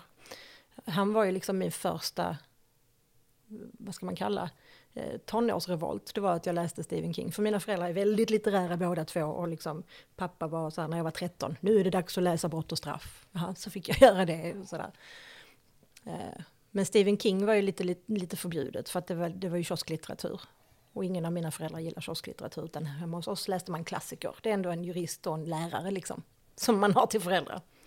Så att när jag hittade en Stephen King-bok där i hyllan och började läsa den så blev jag skitfascinerad. Shit, kan, tänk att en text kan skrämma så här, det var häftigt, det ville jag också göra. Men jag vågade inte riktigt, utan jag skrev den här liksom högtravande, prosalyriska, dystopiska berättelsen först. För att jag någonstans fick för mig att det är så man ska göra om man ska vara författare. Och det gick ju åt helvete, liksom. Ja, det var ju helt uppenbart. Eh, någonting jag funderar på, det är det här med skräck. Mm. Varför halkar du in på det? Ja men det är ju som jag säger, Stephen King blev den första som verkligen skakade om mig. Jag tyckte det var så häftigt att text på en sida kan göra mig livrädd. Jag tyckte det var Men tyckte du inte det var läskigt liksom så här, wow, det här orkar inte jag läsa? Nej, jag har alltid älskat skräck i alla former och skräckfilmer också. Ju blodigare desto bättre. Liksom. Men... Eh, Hur kommer det sig?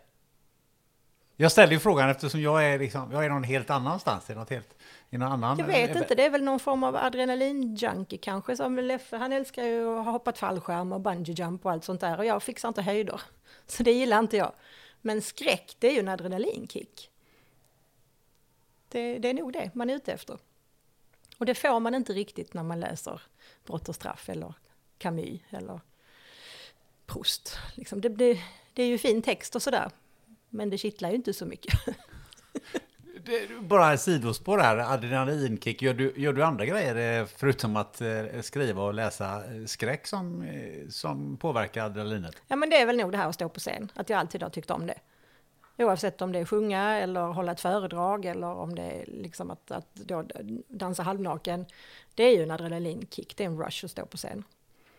Och det är inte så att du ger dig ut och nej. kör bil eh, nej, väldigt fort? Nej, jag är en väldigt för, försiktig människa. Och jag är också supermörkrädd. Liksom. Jag blir ju väldigt påverkad av all skräck jag läser. Och det kanske är en förutsättning för att man ska älska det så mycket. Jag blir ju rädd på riktigt när jag ser en skräckfilm. Om jag är ensam hemma så skulle jag aldrig i livet titta på en skräckfilm. Leffe måste vara hemma. Hålla dig i handen? Ja. Eh, Okej, okay, men du, du gav dig in i skräckvärlden. Eh, eh, Hur gick det då? Det gick så där kan man säga. Jag skrev ju då eh, Champagneflickan och den kom ut. Sen, skrev, sen gav jag mig faktiskt inte in i skräcken, för jag kände mig inte tillräckligt duktig än som författare. Jag tänkte så här, klarar jag av att skriva en skräckberättelse som skrämmer folk? Nej, det gör jag nog inte. Så då istället skrev jag en komedi om Gamla Testamentet. Som man ju gör. Mm. Och handlade det? Ja, det gör man ju. Ja. Eller hur? Ja. Det är fullt normalt. Nej, men jag också när man är sådär ung, det här, eller ung, när är det här? Det här är 2008. Hur länge sedan är det? Ja men då var jag ändå ganska ung, kan vi väl säga. Eh, så är man ju fortfarande ganska upptagen med vad tänker folk om mig? Vad tycker folk om mig? Eh, och då var det ju ingen som hade sett den här fina dystopiska, lite tyngre litterära romanen som jag hade skrivit, utan det folk kände till om mig var Champagneflickan. Så då tänkte jag att okej, okay, men nu har jag visat att jag kan skriva säljande. Liksom. Nu måste jag visa att jag kan tänka också. Så då skrev jag den här som heter Fru Bengtssons andliga uppvaknande. Och det kommer väl också egentligen från min uppväxt i ett katolskt hem. Eh, jag slog bakut väldigt tidigt med det där. Eh, som du kan se där uppe i den där lilla nischen så har jag en liten staty av Satan och det är mitt uppror. Okej. Okay. Ja, ja, men du vet, väldigt katolsk familj. Eh, två av mormors systrar, systrar blev nunnor eh, och var tvungen att gå i, i kyrkan, i katolska kyrkan på påsken och välsigna ägg och hålla på. Och jag tyckte att jag såg igenom den där skiten ganska snabbt. Jag har ingenting mot andlighet och religion. Men den organiserade religionen, nej, not my thing. Eh, så när jag var 12 så vägrade jag liksom att följa med till kyrkan mer. Och jag har aldrig konfirmerat mig heller. Jag är döpt i kyrkan, men det är ju för att jag inte hade något val. Eh, men sen har alltid det där med tro ändå liksom hemsökt mig. Det finns ju någonting i det där som tilltalar folk och som även tilltalar mig. Och varför är det så? Och finns Gud, finns inte Gud, bla bla bla. Så att jag började läsa Bibeln från sidan ett. För jag tänkte, här, mm, det är ju det jag gör, jag läser böcker för att ta reda på grejer. Så jag började läsa Bibeln från sidan ett och så upptäckte jag att vad fan, Gud är ju barnslig, rasistisk, eh, han begår folkmord, han är ett rätt så stort asshole. Vad är det här för någonting? Det är inte den bilden jag har av kristendomen. Eh, och då kom jag på en komedi om en hemmafru som gör exakt samma resa. Men med den skillnaden att hon har en nära döden upplevelse och under de sekunderna som hon är död så får hon klart för sig att religionen har rätt. Gud finns, Satan finns, himlen existerar och helvetet existerar. Sen kommer hon tillbaka till livet och då börjar hon också läsa Bibeln. Och så upptäcker hon ganska snabbt exakt det som jag upptäckte. Och då blir hennes mål att hon vill absolut inte hamna i himlen hos Gud, utan hon vill hamna i helvetet hos Satan, för Satan är den enda sanna frihetskämpen. Hur ska hon göra det? Hur ska hon åstadkomma det? Jo, då måste hon ju bryta mot de tio budorden. Så det är, och så är det en komedi liksom. Så det är en, en religionsfilosofisk komedi om teodicéproblemet kan man säga. Vilket problem? Teodicéproblemet. Om Gud är god och allsmäktig, varför finns det ondska? Det har ju folk brottats med i alla tider liksom.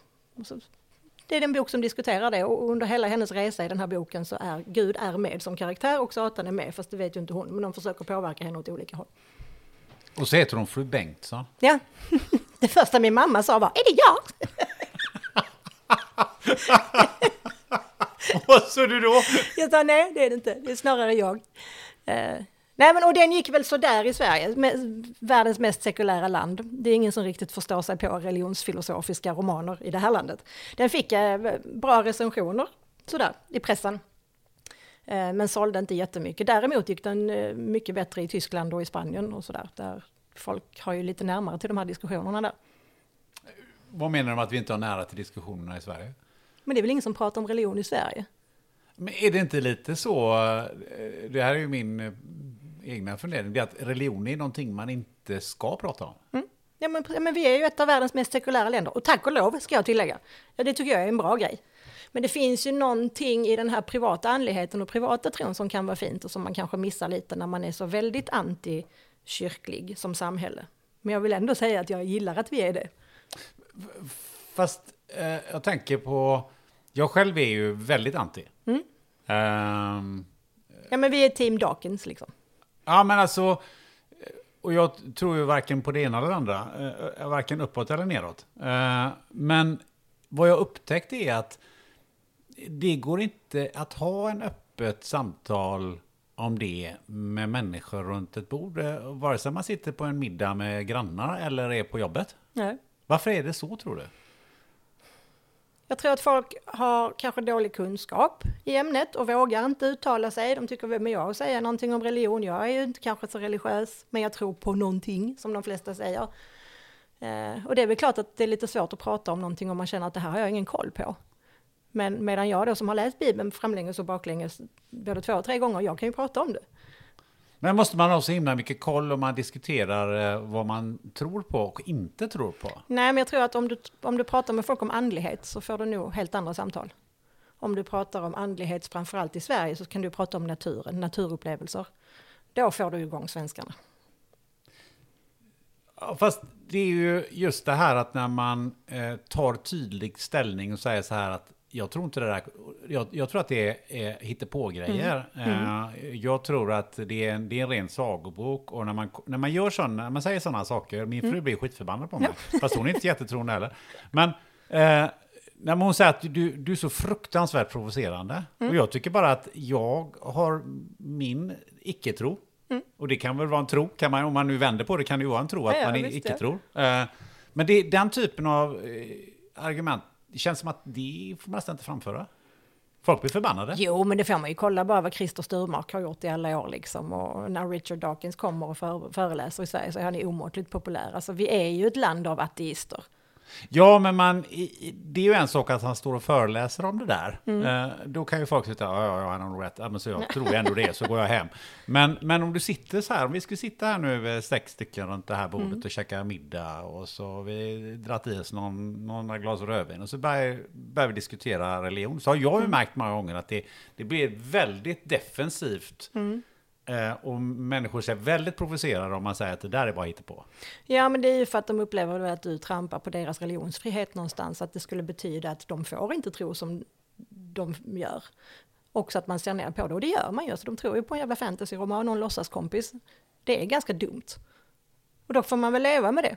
Ja, men jag har ju aldrig sagt att de, de får tro precis vad de vill. Ja, men det är fortfarande dumt. Men om man sitter... Jo, jo. Det, det, ja, men precis. Och det säger man det så är, så är att jag tycker att det är dumt. Eller mm. att jag lägger en egen värdering i det. Mm. Det, det, känns inte som att det...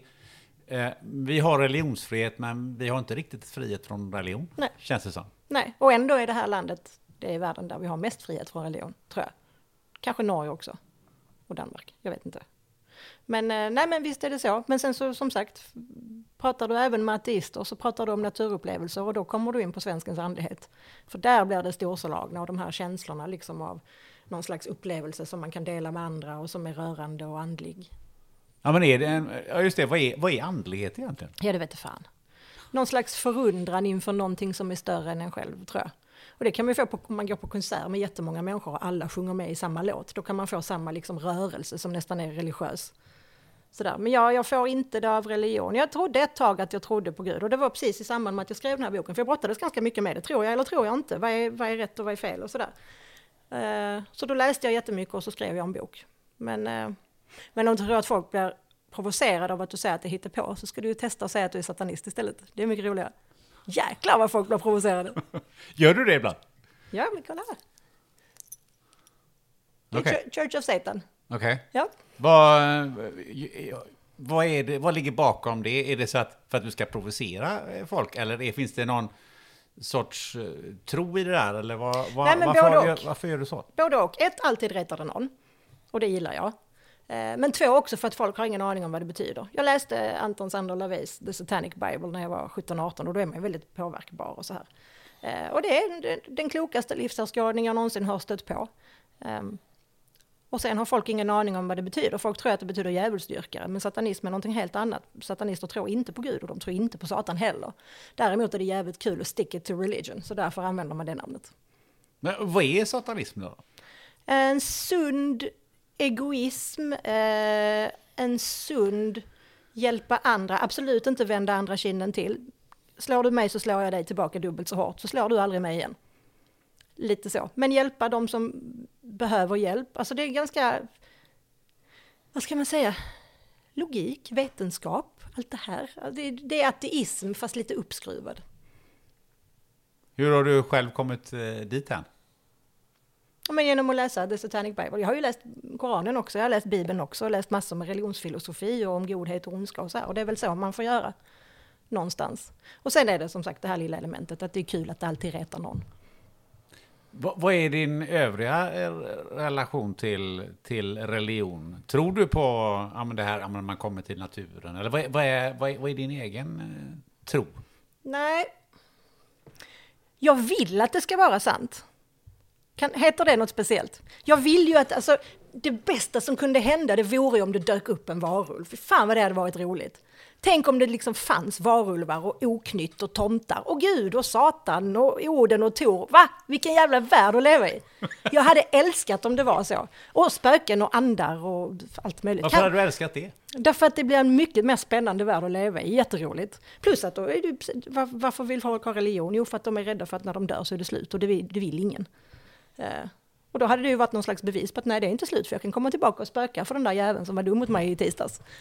Liksom. Men, eh, nej, men det hade varit en häftig värld att leva i. Jag vill att det ska vara sant. Jag vill att Gud ska finnas. Jag vill att Satan ska finnas. Jag vill att varulvar och spöken ska finnas.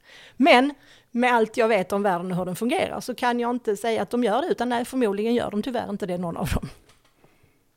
Vad, vad tänker du själv kring eh, döden och vad händer sen? Är det bara liksom... ja, Jag tror det är slut bara. Det är bara så? Ja. Alltså vi har ju varit döda både du och jag innan vi föddes. Ja, så kan man ju säga kanske. Eller inte. Jo men det har vi ju. Du levde inte då. När du är död så lever du inte heller. Ja, okej. Ur den synpunkten så får jag ju ge dig rätt. Ja, nej, men det, jag tycker det är intressanta frågor att, eh, att diskutera. Just det här att människor blir väldigt eh, provocerade. Det ser man ju om inte annat. Eh, vi har ju en annan typ av provokation som har skett med, med, koranbränningar. Ja, och det där är en sån jäkla rörig och geggig fråga. Men alltså där handlar det ju om att två saker kan vara sant samtidigt. Det är så här, är man en idiot om man bränner böcker? Svar ja. Är det tillåtet att vara en idiot i Sverige? Också svar ja.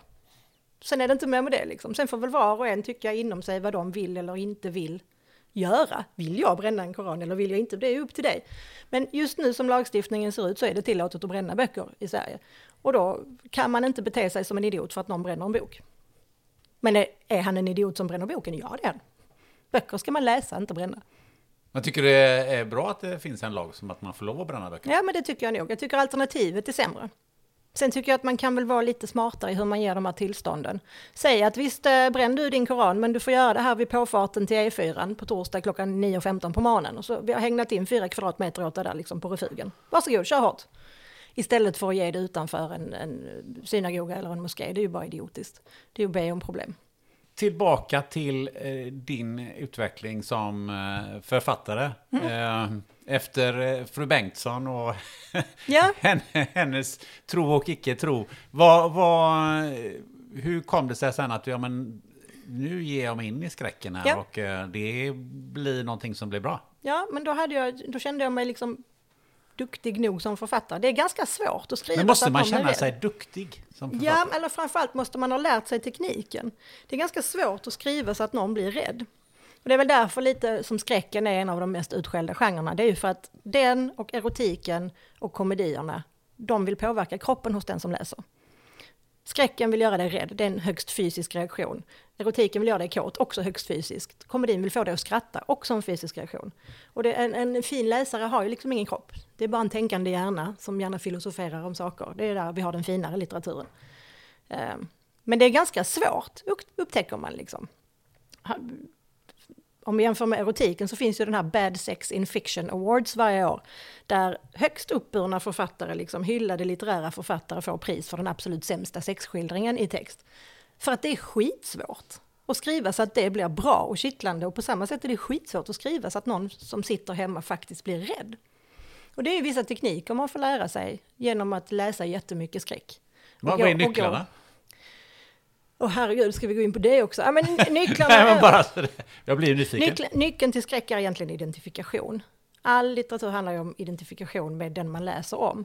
Alltså, om- om- ta skräckfilmer som jämförelse, en slasherfilm som Fredag den 13, där blir man ju inte rädd utan där sitter man ju och garvar när folk dör. Och det är därför de har så platta karaktärer, för att man ska inte bry sig om dem utan snarare ska man tycka, gud vad häftigt han fick huvudet avhugget på just det här sättet, det har jag aldrig sett förut. Medan skräcken handlar ju om att påverka någon känslomässigt så att man blir rädd. Då måste man tänka sig in i karaktären som råkar ut för det här i boken eller i filmen. Och det gör man ju genom att gestalta någon väldigt bra och väldigt väl så att läsaren lever sig in i hen. Eh, och det är inte så jäkla lätt att göra. Och sen handlar det om att inte väja för det lite slafsiga och det lite brutala. Och sen handlar det om att eh, vara ganska rak och tydlig på. Inte massa omskrivningar. Där vi, vi kan dra parallellen till erotiken igen. Skriv inte att tunneln åker in i tåget, liksom. det blir bara platt och konstigt och fel. Utan skriv vad som faktiskt händer. Skriv, så det, skriv det som händer. Ja. Och ganska rakt och enkelt och krångla inte till det. Ehm, Men det låter ju enkelt då. Ja, Eller vad är det som är svårt Det är ju inte det, för att nästan alla som börjar skriva har just den här lite tillkrånglade, nu ska jag vara författare, som jag när jag skrev min första. Och så skriver man liksom med konstiga ordval och långa meningar. Och jag som kom från juridiken och var van vid lagtext kunde liksom skriva satser med bisatser på bisatser på bisatser tillbaka syftande i tre led. Och jag tyckte det var så oklart för att jag hade ju kanslisvenskan liksom under huden. Medan folk som läste var så här, herregud vad står det ens här? Och det tog ett tag att jobba bort. Så, men, eh, ja, men krångla inte till det. Och där tyckte jag att jag hade lärt mig tillräckligt mycket som författare för att testa och skriva skräck. Men är det lite det där, det enkla är det svåra? Ja, less is more. Det är ju därför varenda gång Nobelkommittén kommer ut, räkna hur många Nobelpristagare i litteratur har de inte sagt, det är så bra för det är så avskalat. Det är så förtätat. Och det är ju det, håll inte på att brodera ut liksom. Men eh, då skrev jag Vargsläkte, som var en eh, skräckroman om en klan skånska varulvar. Tre gamla tanter faktiskt. En som är varulv, en som är häxa och en som är... Vad fasen är hon? Det har jag glömt. Gud, det är så länge sedan. Men eh, den skrev jag, den blev utgiven, den gick så där, men gav mig väl lite renommé i skräckcommunityt. Inte så mycket utanför det. Det finns ju en väldigt hängiven grupp läsare och skräckkonsumenter som läser i princip allt som kommer ut i genren. Men de är inte tillräckligt många för att man ska kunna leva på det. Utan då måste man nå den större, lite bredare publiken, som till exempel John Ajvide Lindqvist har gjort. Um, sen skrev jag, vad skrev jag sen? Demonologi för nybörjare. Och en skräcknovellsamling också samtidigt. Och båda där, de gick ju okej. Men jag har alltid velat leva på att skriva. Jag, jag vill inte ha ett jobb och sen gå hem och göra ett jobb till. Jag vill liksom leva på att hitta på grejer. Så då tog jag något års paus där och så insåg jag att ja, fasen ska man, ska man kunna det så får man ju skriva spänning. Så då gick jag över och började skriva spänning och då, då blev det Vågbrytarna, den här radikalfeministiska serien. Och sen dess har jag ju, den kom 2019 första delen och sen dess har jag kunnat leva på att skriva. Men vägen dit måste ändå varit eh, ganska så eh, tunn när det gäller eh, intäkter. Nej, men jag... eh, Åh gud, jag har haft så många extrajobb. Jag har jobbat som DJ på de största klubbarna i Malmö i fem år. Varje fredag, varje lördag spelade jag på eh, Heartbreak, jag spelade på Scandic, jag spelade på, oh gud, jag har spelat på Slakthuset i Malmö. Alla de stora klubbarna jag varit DJ på. Eh, och sen blev jag faktiskt headhuntad. Sen har jag skrivit åt andra, jag har spökskrivit böcker, eh, hjälpt folk att skriva självbiografier och romaner och sådär. Och det är ju en jättebra skola. Och sen blev jag headhuntad av Linnéuniversitetet i Växjö som undrade om jag ville komma och hålla deras kurser i kreativt skrivande efter ett tag.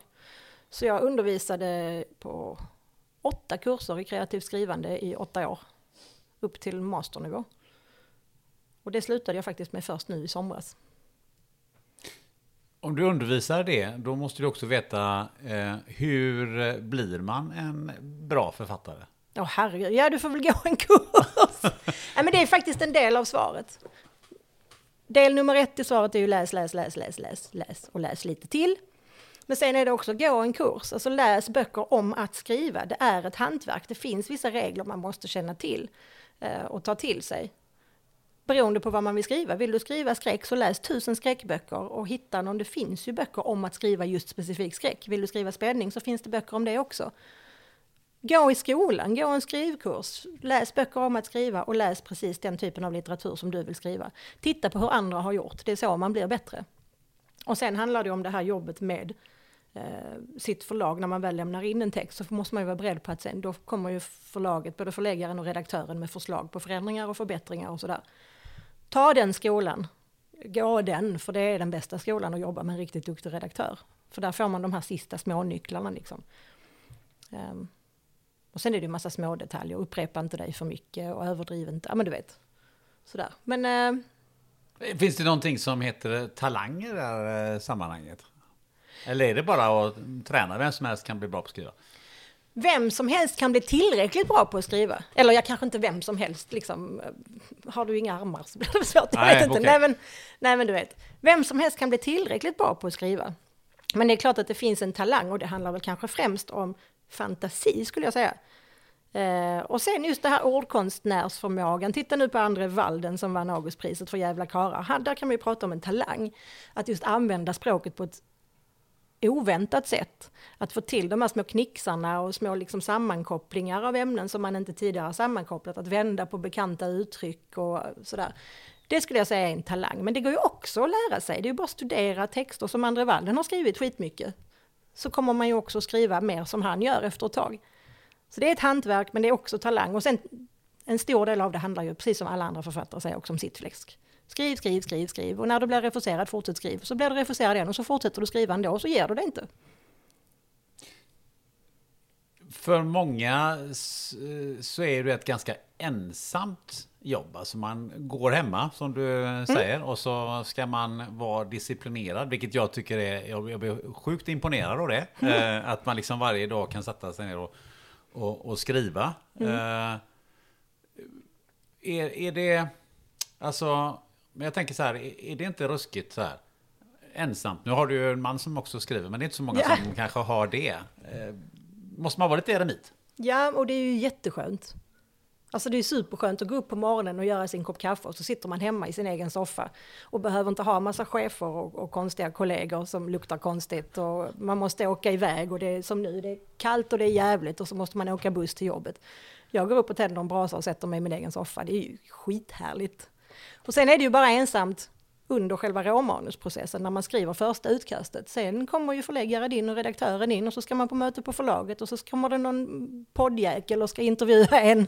Och så, är det, och så är det bokmässa och så ska man hit och dit. Alltså det är ju ganska, det är ju ganska mycket socialt också att vara författare och, och vara i media och bli intervjuad och sitta i program och i tv-soffor och sådär.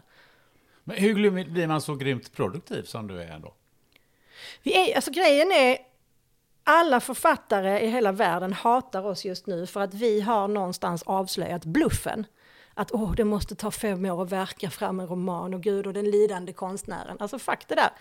Jag skriver tio sidor på fyra timmar. Skriver jag tio sidor om dagen, då har jag skrivit en roman på en månad. Och då har jag ändå bara jobbat halvtid. Alltså det, hur folk inte, inte hinner övergår mitt förstånd. Sätt dig ner och skriv. Nu behöver jag skriva fem sidor om dagen. För att nu har jag ett lite lättare schema. Jag behöver inte producera så mycket längre liksom. Och det är rätt skönt. Så jag jobbar ju två timmar om dagen och ändå kommer jag ut med åtta böcker om året. Ja, men varför är det så? Var, varför är det så att man måste, det tar, ett, ja, men det tar minst ett år att skriva en... Uh, Nej, det är bara skitsnack. Bok. Jag tror så här, när jag skrev min allra första, den här jättepretentiösa, då skrev jag bara när jag kände mig inspirerad. Uh, och det är ju ett misstag, för att det handlar inte om inspiration. utan sätt dig ner och skriv, samma tid varje dag. och ibland blir det kanske ett par meningar och ibland blir det 22 sidor, där man bara liksom tittar upp och bara, shit, vad tog tiden vägen? Och ju oftare man har skrivit, tio sidor i en sittning, desto lättare blir det att skriva tio sidor i en sittning. Det är som en muskel det går att träna upp. Eh, och sen handlar det om att ha en avslappnad inställning till sitt råmanus. Det är ju det vanligaste problemet jag såg bland våra studenter på skrivkurserna, det är att de sitter och liksom second guessar sig själv. De redigerar sönder sin egen text. De skriver två stycken och sen sitter de och liksom tittar på dem. Är det här bra? Är det här liksom, oh, ska jag kanske flytta det där kommatecknet eller ska jag, oh, ska jag byta det där ordet mot det där ordet? Och det där, då kommer man ju inte framåt. Utan ha en plan redan, bygg ett synopsis redan från början. Det här och det här och det här ska hända min bok. Här är början, mitten och slutet.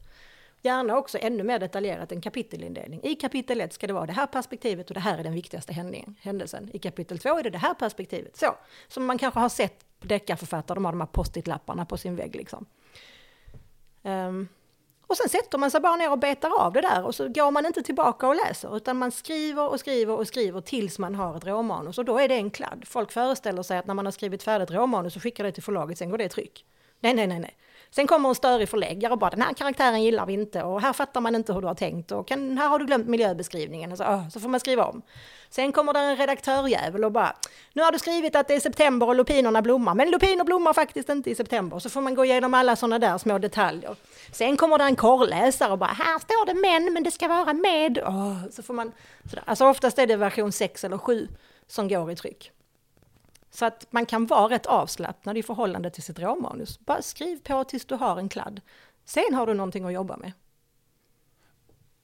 Vad är då avslöjandet? För det finns ju ändå rätt många författare som har skrivit rätt många böcker, men de lyckas ändå inte producera kanske mer än ja, en bok om året kanske, eller max två. Ja, men de skulle ju kunna göra det om de ville.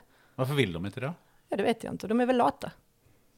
Så, även sådana som Jan Guillou och så vidare. Ja. Läckberg är också ganska lat då. Ja, men alltså, du, kan inte, du kan inte för en sekund övertyga mig om att Jan Guillou eller Camilla Läckberg inte skulle kunna skriva en bok i månaden. Det är klart de skulle, men det är ju lite fult att göra det. Varför är det fult? Ja, det är fult. Du ska ju helst då ha verkt fram din text under en basker badande i rödvin under sju år och helst ska du ha lidit hela vägen och bott på gatan. Men det där är ju trams. Ja, men jag ställer frågan igen. Varför är det, varför är det varför är det inte fint? Vad är det som inte är fint? För det, det är möjligtvis för dem själva då, men, men jag som läsare eller konsument av böcker, varför, varför skulle jag tycka att det är ofint? Nej, men det, och de flesta konsumenter tycker ju inte det. Men det är ju, alltså, innan jag och Leffe entered the stage så var ju en bok om året fult. Då var det så här, herregud, titta på Camilla Läckberg. Kan det verkligen bli bra när hon spottar ur sig en bok om året? Och nu har vi ju lite räddat hennes skinn, va? för här kommer vi att producera 15 böcker om året. Då kan hon plötsligt bara, men kolla, jag tar ju tid på mig med mina böcker. Jag tar ju ett helt år på mig, kolla på de här galningarna, de skriver en bok i månaden. Och det där är ju någonting som liksom gränsen pushas hela tiden. Vi hade ju kunnat skriva, skriver vi tillsammans kan vi ju skriva två böcker i månaden. Hur, hur ser marknaden ut då? För om det sprutar ur i böcker? Ja, Ja, men så här, ljudboksmarknaden har ju gjort det möjligt för författare att kunna släppa fler böcker. Och då ser man också att det dyker upp fler och fler författare som vill skriva mer. Liksom, som gärna vill skriva tre, fyra böcker i alla fall om året. I takt med att ljudboks, bo, ljudboken har fått så stor del av marknaden så blir förlagen också mer intresserade av författare som kan producera mycket. Um, och då, då blir det också vanligare och vanligare. Nu blir det lite vanligare att författare liksom skriver två, tre böcker om året och släpper. Men det är fortfarande ingen som har gjort som jag och Leffe. Vi släppte nu, den här hösten har vi släppt tio böcker på tolv veckor.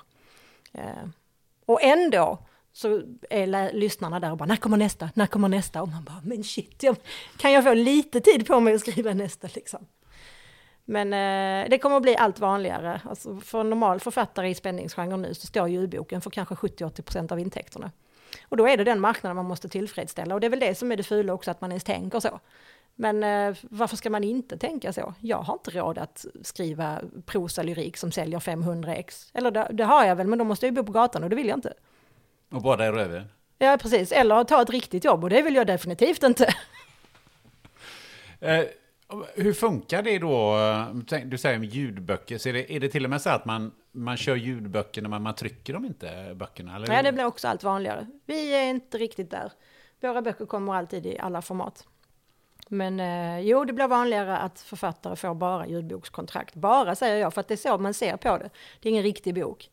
Eh, tycker vissa. Man vill kunna ha den i hyllan. Vi har våra egohyllor där nere liksom. Där den bara växer och växer utgivning. Och det är klart det är häftigt att kunna ha sin bok i handen och lukta på den och sådär. Jag älskar ju fysiska böcker. Men at the end of the day så är det ljudboken man kanske drar in en mil om året på och så kanske hundratusen på pappersboken. Då är det en no-brainer var man ska lägga sitt fokus. Ja, för det var ju min nästa eh, fråga. För det, det har jag ju förstått åtminstone på, musik, när, på musiksidan att man, man tjänar mycket mindre i och med att sådana som Spotify och de här aktörerna har funnits. Hur är det på ljudboksidan? Jo, men alltså det där är ju en debatt som pågår just nu. Och visst, per sålt ex så kanske man tjänar mest på en inbunden bok. Går du och köper min inbundna deckare i handen så får jag 25 kronor kanske, ish. Vi säger ballpark. Men det är före skatt, så säg 13 kronor ut efter skatt får jag om du går och köper min bok i bokhandeln, den inbundna. Köper du en pocket så kanske jag får 6, 7, 8 kronor före skatt och så hälften av det sen är vad jag tjänar. Medan som det, ljudboken beror lite på längden. För där får man betalt per timme. Så att en bok som Rekryteringen som är nästan 600 sidor lång tjänar jag ju mer på varje lyssning än en bok som December sen som vi har skrivit ihop nu där varje bok bara är fem timmar. Men å andra sidan har vi släppt tio delar i december sen så det blir ju 70 timmar och nu har vi en kvarts miljon lyssningar på bara 12 veckor. Då plötsligt genereras det pengar om man får 2,50 per timme liksom. Ja, det var ju intressant att du säger liksom bara på 25 spänn. Vad kostar en bok? 300 spänn om den är inbunden? Mm. Vad, vad tar de andra pengarna vägen? Förlaget. Och förlaget har ju utgifter såklart. Det är ju de som tar hela risken. Först betalar de ut ett förskott till författaren och är det en stor författare så kan det vara en halv miljon som de ligger ute med bara där liksom. Eller är du ännu större författare får du säkert ännu mer. Men någonstans utgivna deckarförfattare som det går bra för får kanske en halv miljon i förskott för en bok. Och sen så är det ju trycket och liksom redaktören ska ha sin lön, förläggaren ska ha sin lön, omslagsmakaren ska ha betalt, korrläsaren ska ha sin lön.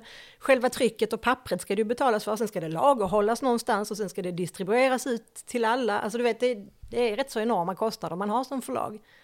Um, och därför brukar ett traditionellt utgivningsavtal se ut så att författaren får en royalty på kanske 25-30% och förlaget får resten.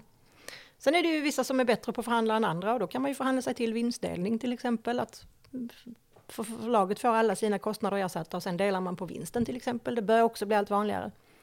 Men det här att det skulle vara så enormt mycket bättre pengar med pappersböcker, det stämmer liksom inte heller. För att om du köper min bok och jag får 25 spänn, Sen lånar du ut den till en kompis, vad får jag för det? Noll kronor. Du säljer den vidare på antikvariat, vad får jag för det? Noll kronor. Men om du lyssnar på min ljudbok och gillar den så rekommenderar du den till en kompis som också går in och lyssnar på den. Då får jag betalt för båda lyssningarna. Så att ganska snabbt tar ljudboken igen sig. Och får man de här stora lyssnarskarorna så är det ändå där man tjänar de största pengarna idag. När jag åkte hit så hörde jag, lyssnade på en podd och så var det reklam i den eh, eh podden för någonting som man kallade ljudbokspodd. Alltså det var någon sorts mittemellan som det kändes som. Jag tror det handlade om Södertälje-nätverket. Ja. Eh, och, och det, det som jag är intresserad av, som jag håller på med podcast, eh, så har jag också sett de här, vad är podd egentligen? Det, ja, det är ljud mm. eh, i olika format, mm. Eh, om man säger så. Jag blir lite nyfiken på, kommer det liksom nya sådana här format som är lite mittemellan podcast och, och ljudbok som sådan? Om det kommer, det läggs ju ner nu har du tänkt med. P1 har ju haft sin radioföljetongen sedan 1939 tror jag. Mm. Där det är en roman som P1 köper in och så läser du så går den som följetong i P1 och den lägger man ju ner nu. Det är ju radio. ja men precis. Men det liknar ju det. Men annars så är det väl snarare poddar kanske inte renodlad att man läser upp en bok, utan det är väl samtalet om en viss bok. Ja, men blandformer och så, har du, ja. jag, jag bara rent så här nyfikenmässigt, finns, finns det liksom, kommer det nya former här? Kanske, det finns ju högläsningspoddar och sådär som är ganska roliga. Eh, och sen så finns det ju, ja men radiodrama har ju alltid funnits också. Jag har skrivit för Skymningsland i P1, skräck, korta skräckberättelser och så här som blir upplästa i radio. Eh, Men nästan alltid när man har försökt sig på något nytt med ljudboken, som det här att det ska vara flera olika uppläsare och kanske lite ljudeffekter och sådär, så att det blir lite mer radioteater, så har det nästan fallit platt varje gång. Lyssnarna vill inte riktigt ha det, utan de vill ha en uppläsning. De vill inte ha en dramatisering, eller inte för mycket dramatisering. Mm. Man vill inte ha pistolskott Nej, precis. Och inte, det ska grejerna. inte liksom låta regn i bakgrunden när det, för att det regnar i boken och sådär. Det blir, det har inte, hittills har det i alla fall inte funkat, vad jag vet, när folk har försökt göra sånt där. Du, ni skriver ju snabbt, mm. men ni skulle kunna skriva ännu snabbare, för nu finns det ju mm. AI. Ja, nej, alltså den är för kass. Det är klart vi har testat. Det är ju superspännande och eh, jag har ju testat då med ChatGPT eh, och den är tyvärr, för, eller tyvärr, det är ju tur för mig som lever på att författa, men den är för dum. Eh, jag har till exempel testat att ge den ett litet synopsis. Och så, det här och det här och det här ska hända. Och så har jag skrivit skriv det här i litterär stil. Och så får man ut någonting. Eller så har jag skrivit två sidor själv, matat in det i ChatGPT och så har jag skrivit så här, gör det här mer hårdkokt. Gör det här mer romantiskt. Bara för att se vad som händer, liksom, samma två sidor. Eh, och AI är kast. Vad den gör, det är att den laddar texten med klichéer och överdrifter, hyperboler och den liksom, ja men den är en drama queen, den tar i från tårna hela tiden och det är någonting man absolut inte ska göra när man skriver, så är det ju ta i från tårna, utan man ska ju gestalta när man skriver litteratur och gestalta betyder att man smyger in information i läsaren. Och det kan inte AI, den är för eh, bokstavlig, den är för liksom, och full av klichéer. Ska det vara hårdkokt så är det direkt, det var en mörk och stormig natt. Och det, så, ja, mm, jag kanske inte, tack så mycket ChatGPT men nej tack. Så det, det, det är den värdelös på, så går den inte att använda. Eh, den går inte heller att använda som researchassistent för att den hallucinerar och hittar på hej vilt. Liksom. Man kan fråga sig, vem vann det här? Nej, det är kanske en för enkel fråga, men om man frågar, vet du vem Caroline Grimåker är? Så skriver den jajamensan. Och sen listar den så här 14 böcker som den har hittat på helt själv. De här böckerna har Caroline Grimåker skrivit. Så att man kan inte lita på den heller. Däremot tror jag att som korrläsare när den blir lite duktigare kan man säkert använda den. Att liksom stoppa in 300 sidor och så rätta alla språkfel. Där, det finns liksom klara, tydliga, ganska enkla regler att följa. Det tror jag man kan använda den till.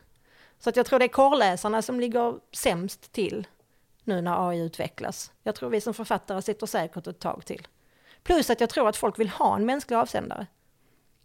Mm, det där är intressant. Jag, jag, måste bara flika in där på det där AI hallucinerar. Mm. Jag, eh, eh, jag diskuterar just det här med en kille som heter Niklas Fernholm som faktiskt släpper i, i ett avsnitt idag. Mm. Men han berättar ju då att eh, eh de hade ställt frågan till exempel, ja, men kan du berätta om den svenska segern i pannkaksätnings-VM 1994?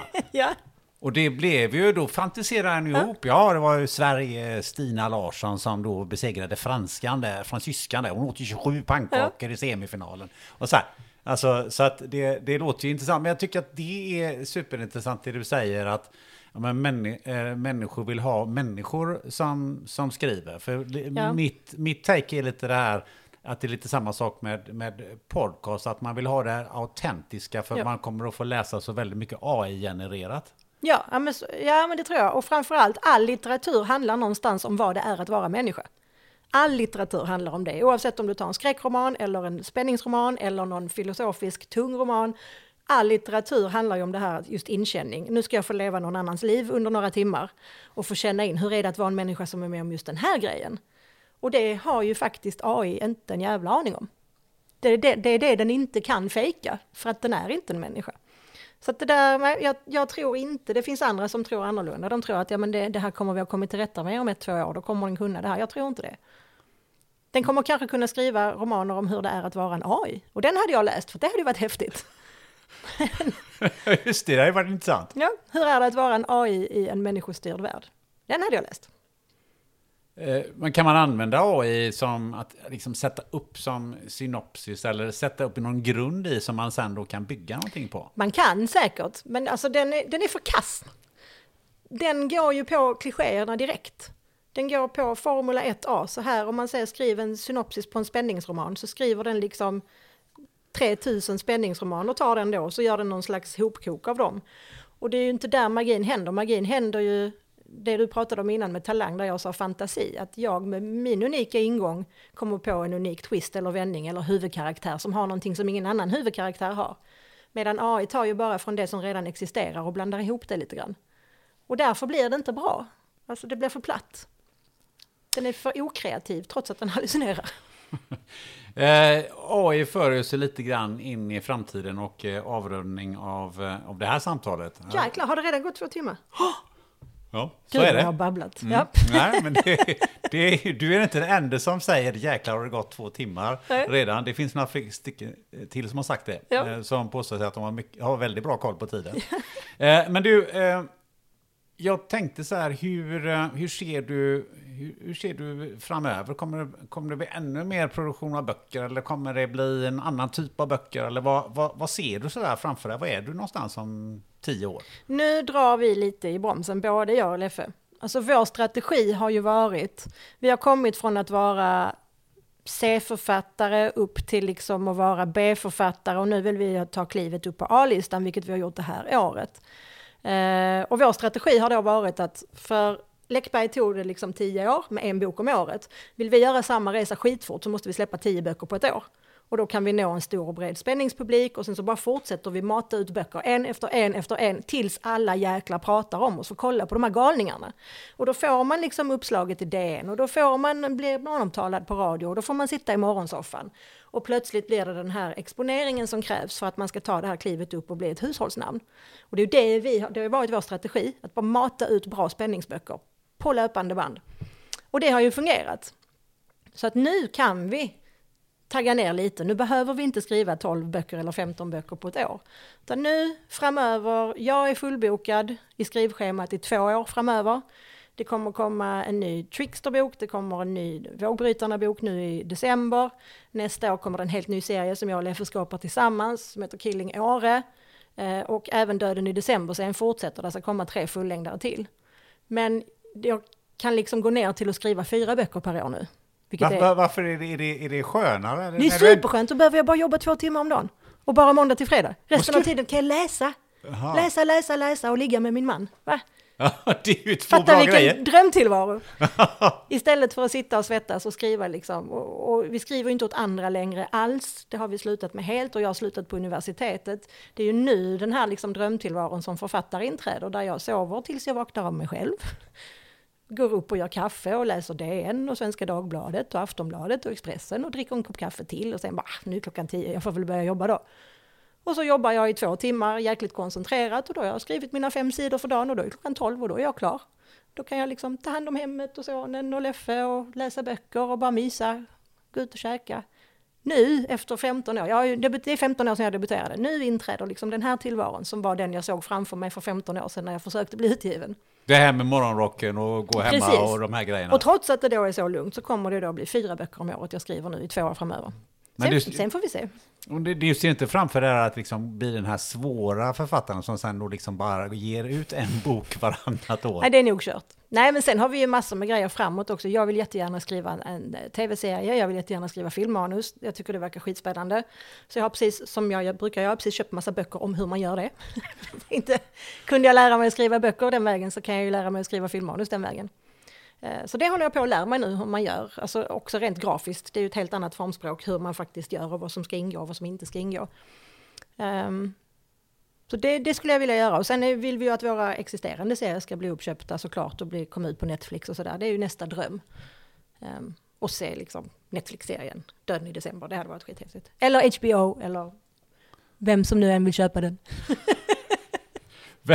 Men om vi ska säga att om ni skulle nå, det här är da shit, det här är verkligen det, det, det är det högsta. Ja. Det är det, det är det bästa. Nu har du nämnt eh, HBO, Netflix. Vad är, vad är så att säga den här grejen? Eh, ja, sen kan jag lägga mig dö. Ultimata drömmen, det är att tjäna tillräckligt mycket på varje bok så att jag bara behöver skriva två böcker om året. För att då kan jag vara ledig sex månader om året och resa runt i världen. Det är ju det, både jag och Leif älskar att resa, men det finns inte jättemycket tid till det. Trots att vi kan jobba nästan var som helst, Då blir det så. Är man, är man iväg så blir det inte så mycket jobbat. Så två böcker om året vill jag tjäna tillräckligt mycket pengar på. Så att jag inte behöver skriva fler än så. Det skulle innebära resa runt sex månader om året och jobba sex månader om året. Sen en Hollywoodfilm såklart med fet budget, hundratals miljoner och stora stjärnor i rollerna. Hade också varit jättehäftigt att få gå på Hollywoodpremiär och se sin egen bok på vita duken. Också då eh, streamingtjänsterna, att, man, att se att det blir liksom någon slags löpande snurr på det, att serierna kommer ut. Um, sen är det väl sen är det liksom där man är. Och har, är man väl där så är det svårt att komma därifrån, tänker jag mig. Då ska man ju göra något riktigt dumt liksom. Eller något riktigt dåligt kanske. Ja, det låter ju fantastiskt. Det ska bli väldigt spännande att, att se när ni hamnar där, för det är inte om ni hamnar där, misstänker jag. Det är så det brukar gå. det är så det brukar Eller så gå. brinner skiten ner och så måste jag åka och dansa igen, jag vet inte. Men då gör jag väl det då. Jag hoppas att du har en försäkring på kåken i alla fall. Ja, det har jag faktiskt. Du, eh, eh, Lena Wilderäng nämnde vi ju i, i eh, början. Ja. Och hon rekommenderade ju dig. Och då eh, sa jag, vem är Caroline Greenwalker? Ja, det vet väl alla, sa hon till mig. Nej, det vet inte alla. Nej, okej. Ja, men hon är superrolig och intelligent. Och du kommer få väldigt mycket behållning av att låta henne prata. Yes, she knows me. Ja. Jag, jag tycker att eh, det, den beskrivningen st- stämde väldigt väl in Ja, vad roligt. på det här samtalet. Ja, men jag är rätt så bra på att babbla på. Ja. Vad, vad, vad, vad tycker du själv om det här samtalet? Jag tyckte det var jätteroligt, men eh, du har inte fått prata så mycket. Nej, det är inte det den här podden är till för. Att jag ska prata. Så att det är väl, då har vi ju lyckats då. Ja, perfekt. Eh, någonting som man också kan lyckas med, det är ju att få ytterligare en gäst. Ja. Och du eh, har något förslag på det? Ja, alltså, du hör honom här i bakgrunden. Mm. Han, är, han är allergisk mot förslaget redan tydligen, han nyser. Mm. Men jag vill ju jättegärna eh, nominera, höll jag på att säga. Ja, det Föreslå- får man göra. Nominera. För, jag nominerar. Mm. Leffe Grimwalker, också spänningsförfattare. Det tycker jag låter som en eh, jättespännande idé. Då måste du komma tillbaka hit. Ja, då måste jag komma tillbaka hit och sätta mig vid det här Men bordet igen. Leffe, sluta nys, vi har faktiskt poddinspelning. Ja, han är nog allergisk mot det där, vilket gör att det är extra spännande att få intervjua honom. Nej, det, ser, det ser jag fram emot att eh, få åka eh, hit igen. Ja, han babblar inte riktigt lika mycket som mig, men han eh, är en jävel på one-liners. Ja, men det gillar vi. One-liners är fantastiskt. Ja. Ja. Du, slutligen, om man vill få tag på dig eller ja, ha dig till någon tv-soffa eller någon annanstans, hur gör man då? Då kan man gå in på Facebook eller Instagram och söka på mitt namn så dyker jag upp där för och efternamn. Eh, eller så kan man, eh, jag finns ju på Hitta, herregud, jag är ju inte hemlig någonstans. Inte hemlig någonstans. Nej. Nej, Nej det är underbart. Caroline Greenwalker, ett stort, stort tack att jag får sitta här och prata med dig. Jättetack för att jag fick komma. Du har lyssnat till det 182 avsnittet av podden Spännande möten med mig, Gunnar Österreich. För fyra år sedan gästade AI-experten David Fendrich podden. Vad har hänt sedan dess? Vad har överraskat honom? Och vart är vi egentligen på väg med AI? Det och mycket mer diskuterar vi i nästa avsnitt. Missa inte det. Tills dess så vet du vad du gör. Du sätter dig med en vän, du tar något gött att dricka och diskuterar hur man griljerar en julskinka på allra bästa sätt. Ha det gött!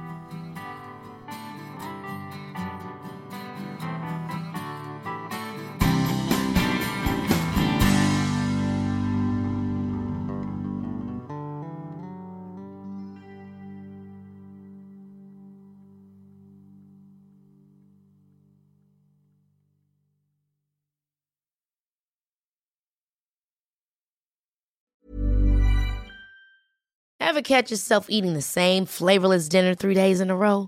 Dreaming of something better? Well, HelloFresh is your guilt-free dream come true, baby. It's me, Kiki Palmer. Let's wake up those taste buds with hot, juicy pecan-crusted chicken or garlic butter shrimp scampi. Mm. Hello Fresh.